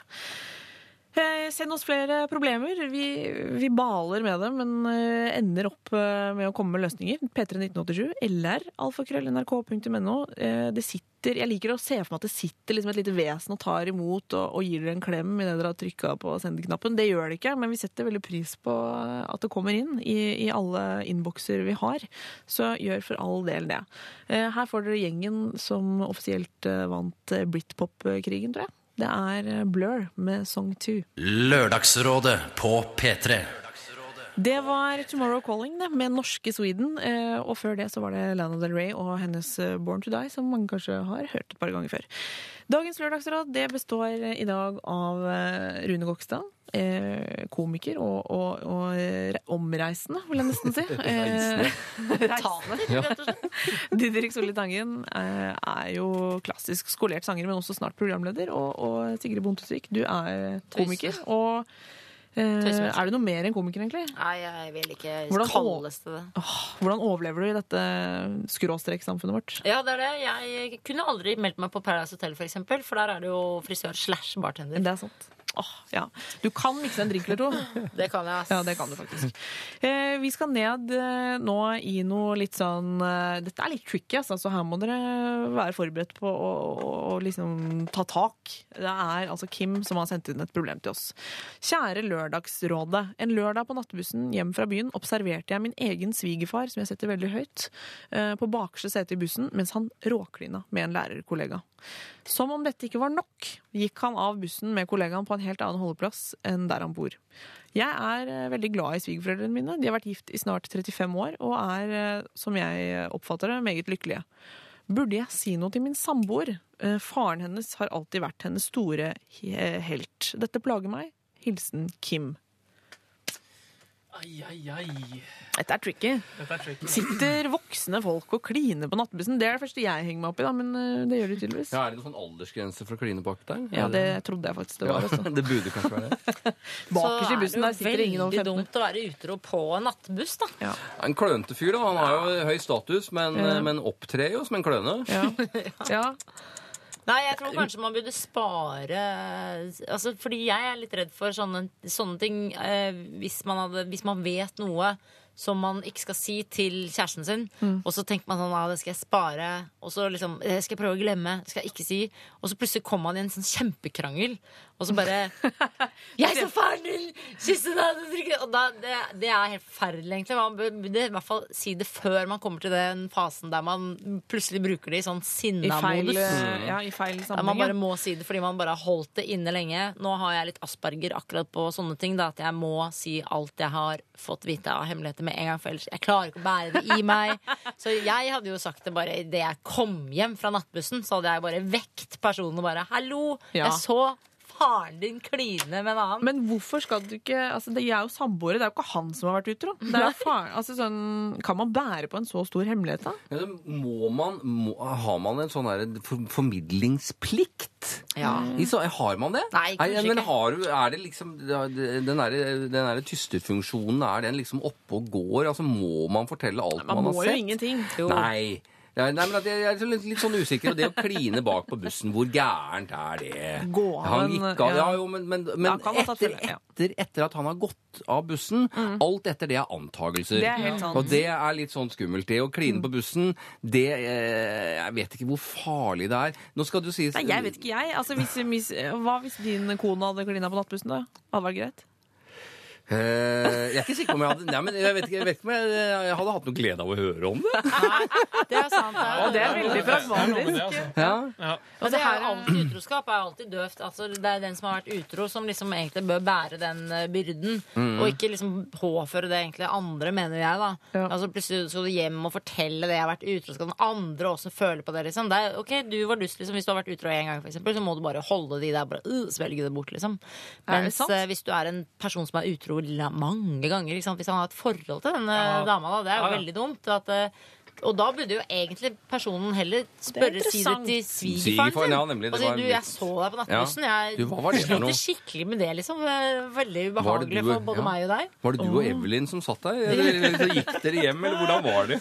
Altså, dere ja, fordi det burde man jo heller, fordi stakkars hun dattera, men hun blir veldig lei seg, og det er blir helt krise. Tenk, det blir en skilsmisse, det blir så Ja. trist. Ja, Det er kjipt at han skal være grunnen til det, liksom. Ja, Didrik, du ville ikke fortalt, altså? Nei, jeg tror ikke jeg, tror ikke jeg ville blanda meg inn i det. altså. Jeg, jeg hadde tenkt at eh, det der, der for Men hvis jeg hadde sett at, For han sier jo i mailen her at uh, de ha, har det tilsynelatende veldig bra, og, og ting fungerer fint, så, skal ikke, så tror jeg ikke jeg ville gått inn og så, og så ødelagt noe som fungerer bra. Nei. Hvis man hadde sett og vært vitne til at uh, ting var uh, dårlig, og det var mye krangling og sånn og sånn og sånn, så kanskje hun skulle vurdert det, men I altså en amerikansk film så hadde det jo vært at han ligger for døden, han svigerfaren, og så kommer han andre inn, og så hvisker han i øret I saw you on the bus 12 years ago. oh, but tell me, was it Very cheating. Cheating heter det. Jeg er veldig dårlig engelsk. Så veldig dårlig engelsk film, da. Very cheating. Were you cheating. He was cheating on the bus. Det det er kan, jo- han kan jo være, han kan jo være utrolig kynisk også. Han kan holde på dette her.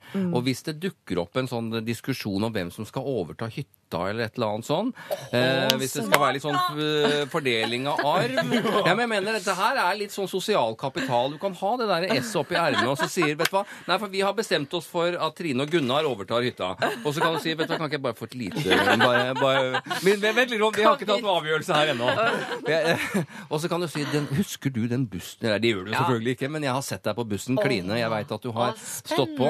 Så jeg er lurer på om ikke vi skal reversere den tinglysingen der.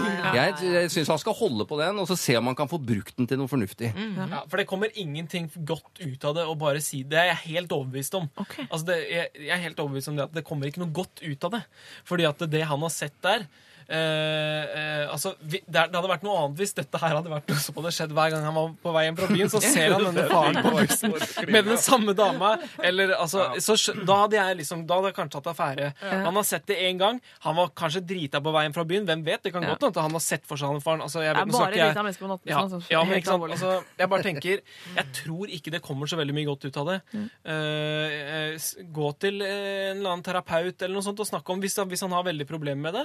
Eh, eh, hvis, hvis, denne faren, hvis denne faren sitter og hører på nå, eh, så vet han jo eh, at eh, svigersønnen har fått det med seg, og at kanskje de to bør ta en prat. Da er du passe ung i huet hvis du bare Jeg tar nattbussen, jeg kliner, jeg hører på P3 på lørdag. Jeg går med cap. Hvem er denne fyren, tenker jeg. Ok, Ja, men Men det er si- et skal eh, vi forholdsvis eh, samstemt lørdagsråd som rett og slett eh, er, er villig til å liksom la det ligge, la det passere. Klining, hva er det for noe? Nei, Ja, gud. Nei, vi spanderer denne her på svigerfar. Ja, vi gjør det. Gjør vi det? Det er dritgøy. Ja. Shit, for en gjeng For vi en er. gjeng. Vi er rampete, altså. Ja, Ja, det er, det er jo egentlig helt forferdelig. Det er egentlig helt forferdelig, men eh, kjære Kim, vi syns at du bare skal b bære denne børa helt alene. Ikke dele den med noen. Jo, Eh, eh, eller kan Eventuelt en profesjonell, ifølge Didrik Eller kompiser av deg. Eller Som du er som du, Veldig fortrolig med. Ja. Men ikke Sigrid, for hun kan ikke holde på Nei, ikke si det til meg. Jeg kommer til å si det til Martin idet jeg kommer hjem nå. Vet du hva? Det var en fyr på Lørdagsrådet som Det er en mørk eh, hemmelighet, men du vet faktisk ikke, Kim, hva som skjedde etter at de Det blir bare spekulasjoner, hva som skjedde etter at de gikk av den bussen. Og hvis man var gift snart i 35 år, så er ikke litt fylleklining nok til å velte et ekteskap. Altså, det er vel ikke det. Nei. Er vi ikke enige om det? Jo. Ja. Ikke ta Eh, nattbussen. Noen av dere mer igjen. Det er kanskje etterlatt eh, moral. Altså, ikke sitt tilbake på, på nattbussen og finne på teite ting. Og generelt være litt forsiktig med nattbuss, tenker jeg. Ja. Eh, send oss flere problemer hvis du har noen, da. Eller om du lever et problemfritt liv, så kan du bare nyte å høre på hva andre sliter med. Men det er altså P3 1987 eller LR alfakrøll eh, punktum no, som er NRK må du også ha med inni der et sted. Da kommer det fram, og da tar vi grep eh, om eh, det du eh, sliter med. Her får du Hull i himmelen med den eh, kuleste gjengen i hele Bergen, og det er Jon Olav sin gjeng. Eh, vær så god. Lørdagsrådet på P3. Pyro med Kings of Leon var det, og vi skal faktisk holde oss litt i dette eksplosive hjørnet. eh, Om litt, eh, faktisk, eh, om enn i en litt mer delikat problemstilling, faktisk. Jeg leser Hei, Lørdagsrådet. Jeg har et ekkelt problem. Har en kjæreste som har ekstremt dårlig kosthold, og som stort sett, som stort sett består av tyggis og Farris. Det gjør at han promper og raper hele tiden, og det syns jeg er ugreit. Det går vel en åtte-ni tyggispakker om dagen, og de svelges sammen med en god del Farris. Hva gjør jeg for å få han til å slutte med dette? Det hjelper ikke å si at tyggis oppholder seg i kroppen i mange år. Håper på raskt svar, for jeg er lei. Ha en strålende vakker dag. Hilsen Magnus. Går det Eh, an å leve på Farris og tyggis? Ja, Det er jo første spørsmål ut. eh, Helt enig, Og så var det en pike. Dette var en dame. Nei, dette. er et guttepar. Eh, er det et er- guttepar, ja. ja. okay. eh, Og jeg lurer på om det kanskje er noe seriøs slanking på gang. Altså tyggis og Farris. Mm. Som kvinne så blir jeg alltid litt interessert hver gang jeg hører om en farlig sykdom uh, i eksotiske land som gjør at du raser ned i vekt på, på uh, to dager. Så tenker jeg sånn, litt spennende. Kanskje det er verdt å få, ja, få, Du, få ikke Hvert snakk for mye til Rune om det, for han skal til India. Det er tarme, tarmenes land. Det går en serie nå på Discovery Channel som heter et eller annet sånn derre jeg, jeg, jeg, ja, Jeg så det. ja, Det gikk nå i forrige uke. Nei.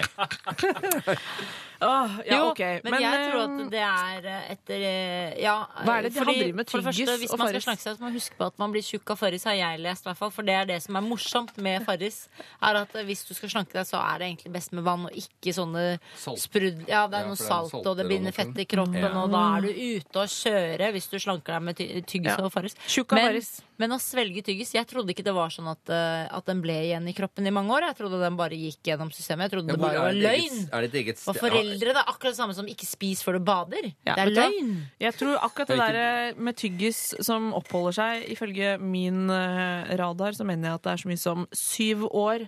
Hallo, er du klar over at tyggisen er syv år inni kroppen, eller hvis du svelger den? Det er Det har holdt seg veldig lenge. Jeg tror det er løgn. For det er, som Rune Kokstad er inne på, det er ikke sånn at all tyggis legger seg liksom på et hemmelig sted i tarmen. Det var helt ny eh, kunnskap for meg. Ja, men det er en eh. Det kalles en myte. Ja. Ja. Men, Men men, tyggis og Farris, det kan man spesielt. spise. Men da har jo nummer én hun veldig god ånde, da.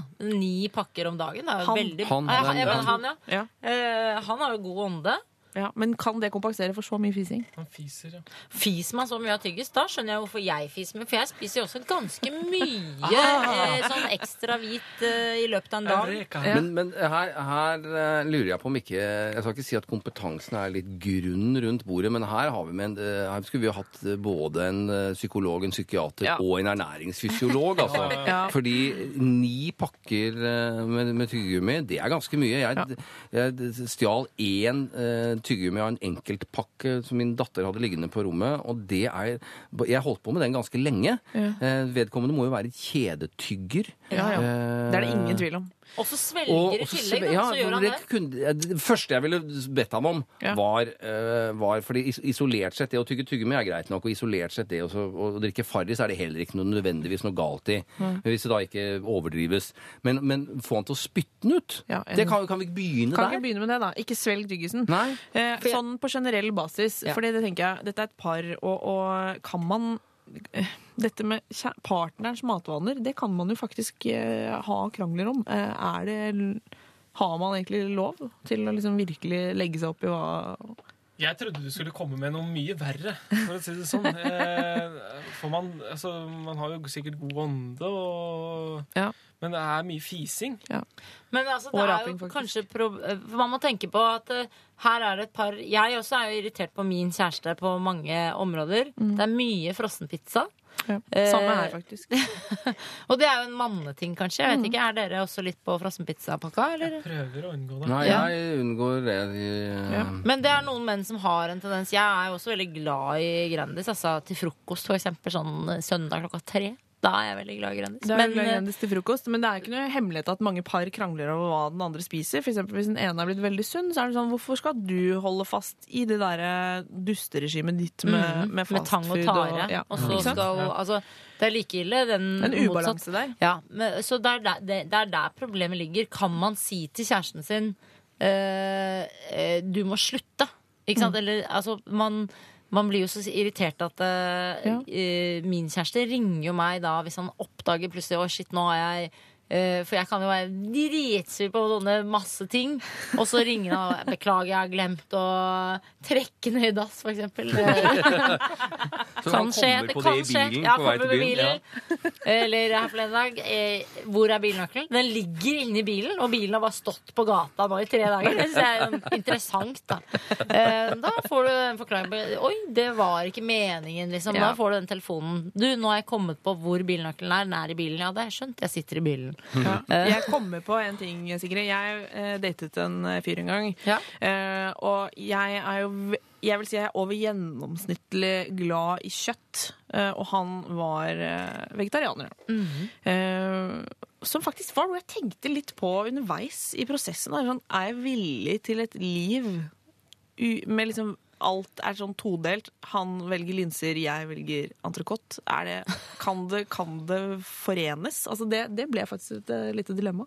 Eh, Ja, i dateperioden, ikke sant? For da må du på en måte se langt fram i tid. ja, man tenker sånn Lørdagsrådet på Åh, det er P3. Det er veldig, mye det er veldig linser, vanskelig. liksom. Ja, Ja. og det er veldig vanskelige ting. Fordi det er jo Du har jo vært gift lenge, så du burde Ja. jo vite det, Rune. Ja. Eh, Det der med at man kan jo ikke kjefte eh, i, i sluttet Altså, personen kommer ikke til å slutte med Farris og tyggis hvis man kjefter. Ja, Er det oppløst og vedtatt, det? Kjefting er ut. Nei, kjefting er litt eh, det, det har et litt for godt rykte, tror jeg. Ja, men hvordan Eh, sier man fra da? Jeg kjefter masse. Gjør du det? jeg Jeg, jeg, jeg, har også fått mye kjeft opp gjennom tiden, altså. Ja. men det har egentlig ikke hjulpet noe særlig. Eller det, jo, det har for så vidt hatt én effekt. Det biter ikke på lenger. Nei, ikke sant? Altså, det er bare sånn, det, det, jeg bare går litt sånn katatonisk forbi. For jeg vet at det, er liksom, det spiller ikke noen rolle om jeg lover bot og bedring. Og så er det samme kjefta, ikke sant? Ja. Ja da, det, det. Nei da, det varierer.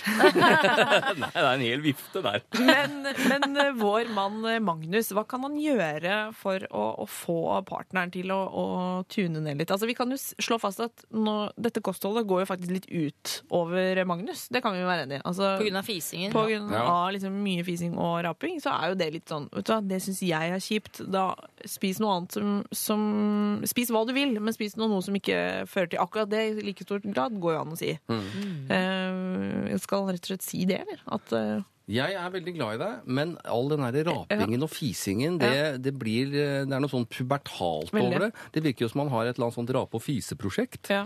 Det er jo det samme som å irritere seg over at noen biter negler. Altså, Ja, det er jo veldig, og man sitter og, sitter og ser på den andre og tenker 'Å, herregud, du må slutte, du må slutte'. må slutte. Mm. Blir bare mer og mer gal. Jeg skjønner ikke hva Er det bare forholdets uh, evigvarende sinna spiral?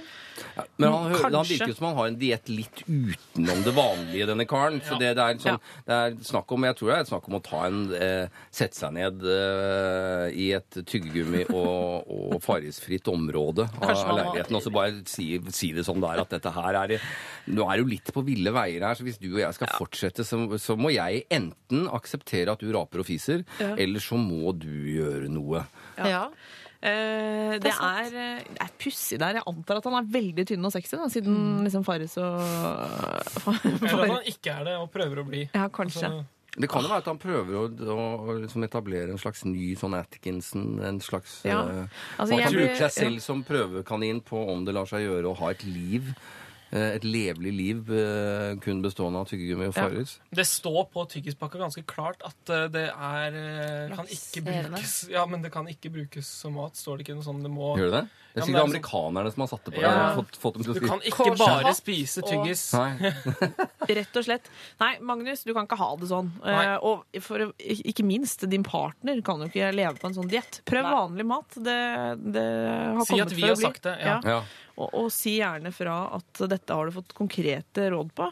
Um, og han eh, Først og fremst, du kan jo si at eh, du er glad i han. Han, er, han har et nydelig ånde, men det veier ikke opp for alt som kommer ut i andre enden.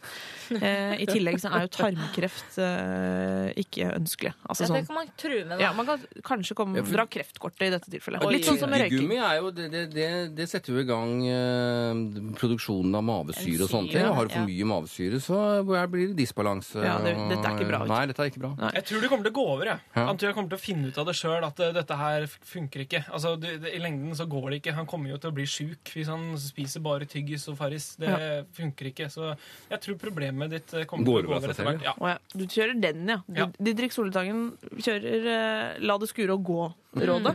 Eh, for det kommer til å slutte av seg selv. Hold ut! Eh, hold ut, mener Didrik her. Vi sitter her for så vidt. eh, Sig eh, Sigrid Bonde Tusvik, Didrik Solli Tangen og Rune Gokstad og jeg selv, eh, Benedikte Wessel Holst. Vi sitter her og tar imot det som kommer inn. Send oss eh, for all del det du måtte ha liggende på ditt eh, emosjonelle mørkeloft eller eh, rotekjeller, eller hva jeg skal si. Hent det fram. Eh, P31987 er SMS-adressen vår, eller lralfakrøll.nrk.no.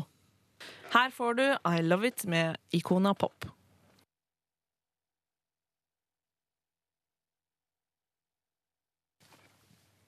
Dagens eh, lørdagsråd, det er faktisk eh, slutt. Det har tatt tre timer med prat og mye problemløsning. Men eh, husk at du kan laste ned podkasten vår gratis på nrk.no slash podkast.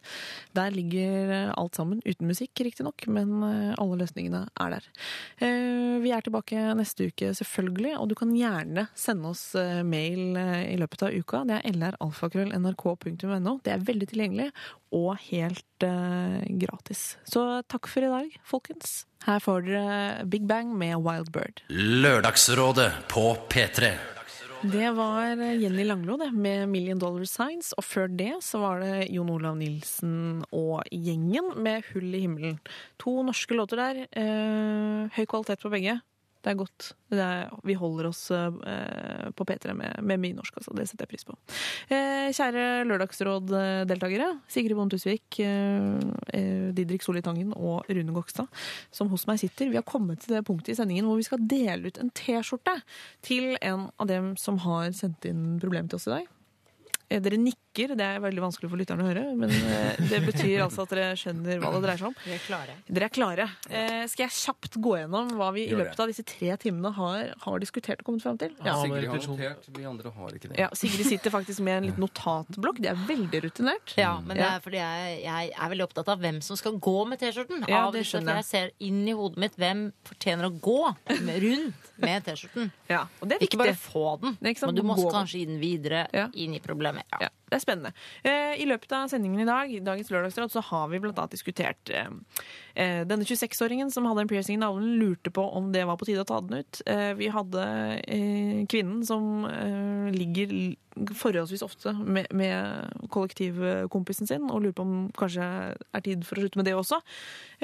Vi har vår mann med en søster han er veldig glad i, som har en, ifølge han, vel å merke, en veldig kjip eh, mann. Hva skal han gjøre? Det har vi diskutert og kommet fram til, for så vidt. Eh, Så har vi denne eh, fyren som er sammen med en fyr. Altså et gay couple her, hvor den ene spiser veldig veldig mye tyggegummi og Farris i en uheldig kombinasjon. Mye fising og raping. Det har vi diskutert i dag. Så har vi vår mann som sliter litt med hva han skal skrive på Facebook. Vi har eh, en kvinne som har forlatt daten i kinosalen fordi hun syns skrekkfilmer er så skummelt at hun ikke fant noen utvei enn å bare dra. Angrer litt på det. Eh, Så har vi svigerfar som klina på nattebussen, eh, hvorpå hans svigersønn har sett det hele og lurer på hva, hva han skal finne på. Om han skal si det til sin egen samboer. Eh, og det var egentlig siste problemet vi diskuterte her i sted. Eh, hva syns dere, folkens? Hvem er T-skjortematerialet her? Jeg syns det er eh, svi... Nei, jeg syns det er piercing i navlen, for da kan man skjule den. Å, ja. Så uh, er det skrekkfilmdate, for da kan man gjemme seg inni T-skjorta uh, på skrekkfilm. Det er sant. Og så er det dustesvogeren, for da tenker jeg at du vrenger T-skjorta, skriver 'du er så jævlig dust' når du neste gang du er Jeg var på P3 Morgen med programmet mitt, og alt jeg fikk var denne duste T-skjorta. Din dustesvoger skal stå på T-skjorta. Hva med Didrik Solli Tangen og Rune Gokstad? Har dere tenkt noe på Altså, en T-skjorte over en piercing eh, skjuler den jo, i hvert fall. Ja. Eh, ellers er det jo mange gode kandidater som vanlig i Lørdagsrådet. Jeg det, det har to av de samme som Sigrid har. Altså Ja. Han som savner søsteren sin. Kanskje denne T-skjorten kan være en liten sånn ting å klynge seg til når han sitter igjen der. Når det svogeren smeller igjen bak luka og smetter av gårde med henne. For n-te gang.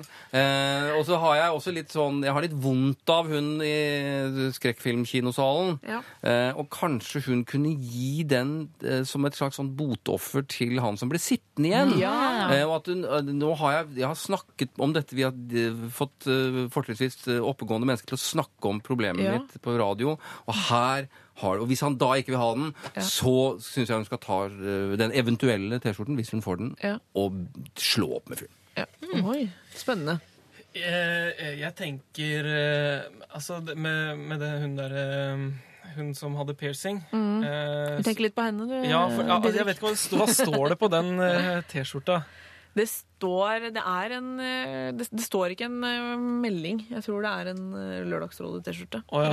Ja, for det skulle står vel sånn spesialtrykt. For det kunne jo være det Du vil ha spesialtrykk? Ja, sånn at jeg har eller, har endelig fjernet navlepiercingen. Eller altså at det er en sånn skikkelig statement. Det går Kanskje det kan være en T-skjorte med navlepiercing, så slipper du å ha Ja! piercing inni, men Ja. du har den Ja. ute på Det er en Ja. kjempeidé. Og så tenker jeg også på han, han eh, svigersønnen eh, som så svigerfar kline på bussen. Så kan han også få en T-skjorte hvor man kan få sånn skrift på, hvor det står liksom en sånn, eller sånn, jeg vet noe, altså sånn litt sånn hemmelig beskjed som bare han og svigerfar skjønner. Så det blir sånn pinlige situasjoner. Ja. 23. Datoen, 4. ja. 2012. Prikk, prikk, prikk. Kjempepinlige situasjoner på familieselskap. Ok, da står det mellom eh, svigerfar eller eh, piercing. eh, er det piercingen som stikker av med seieren her, eller siden det var Sigrid og Ja. det var flest som vi- Nei, Er det? er det det, ja? ja nei, Eller er det jeg, ser at, skrekkfilm? jeg ser at ingen av mine kandidater når opp. Så da, Det er jo skrekkfilmen også. Ja, skrekkfilmen var jo også, hadde vel et par stemmer. Men nei, Hun vil jo ha, jeg. hun vil ha godt av å gå med en Vi tar en eh, skrekkfilmjente. Den kommer godt med til å Så skjule seg gir under. hun den til han. Ja, du kan ellers så dele tar den. hun- Ja.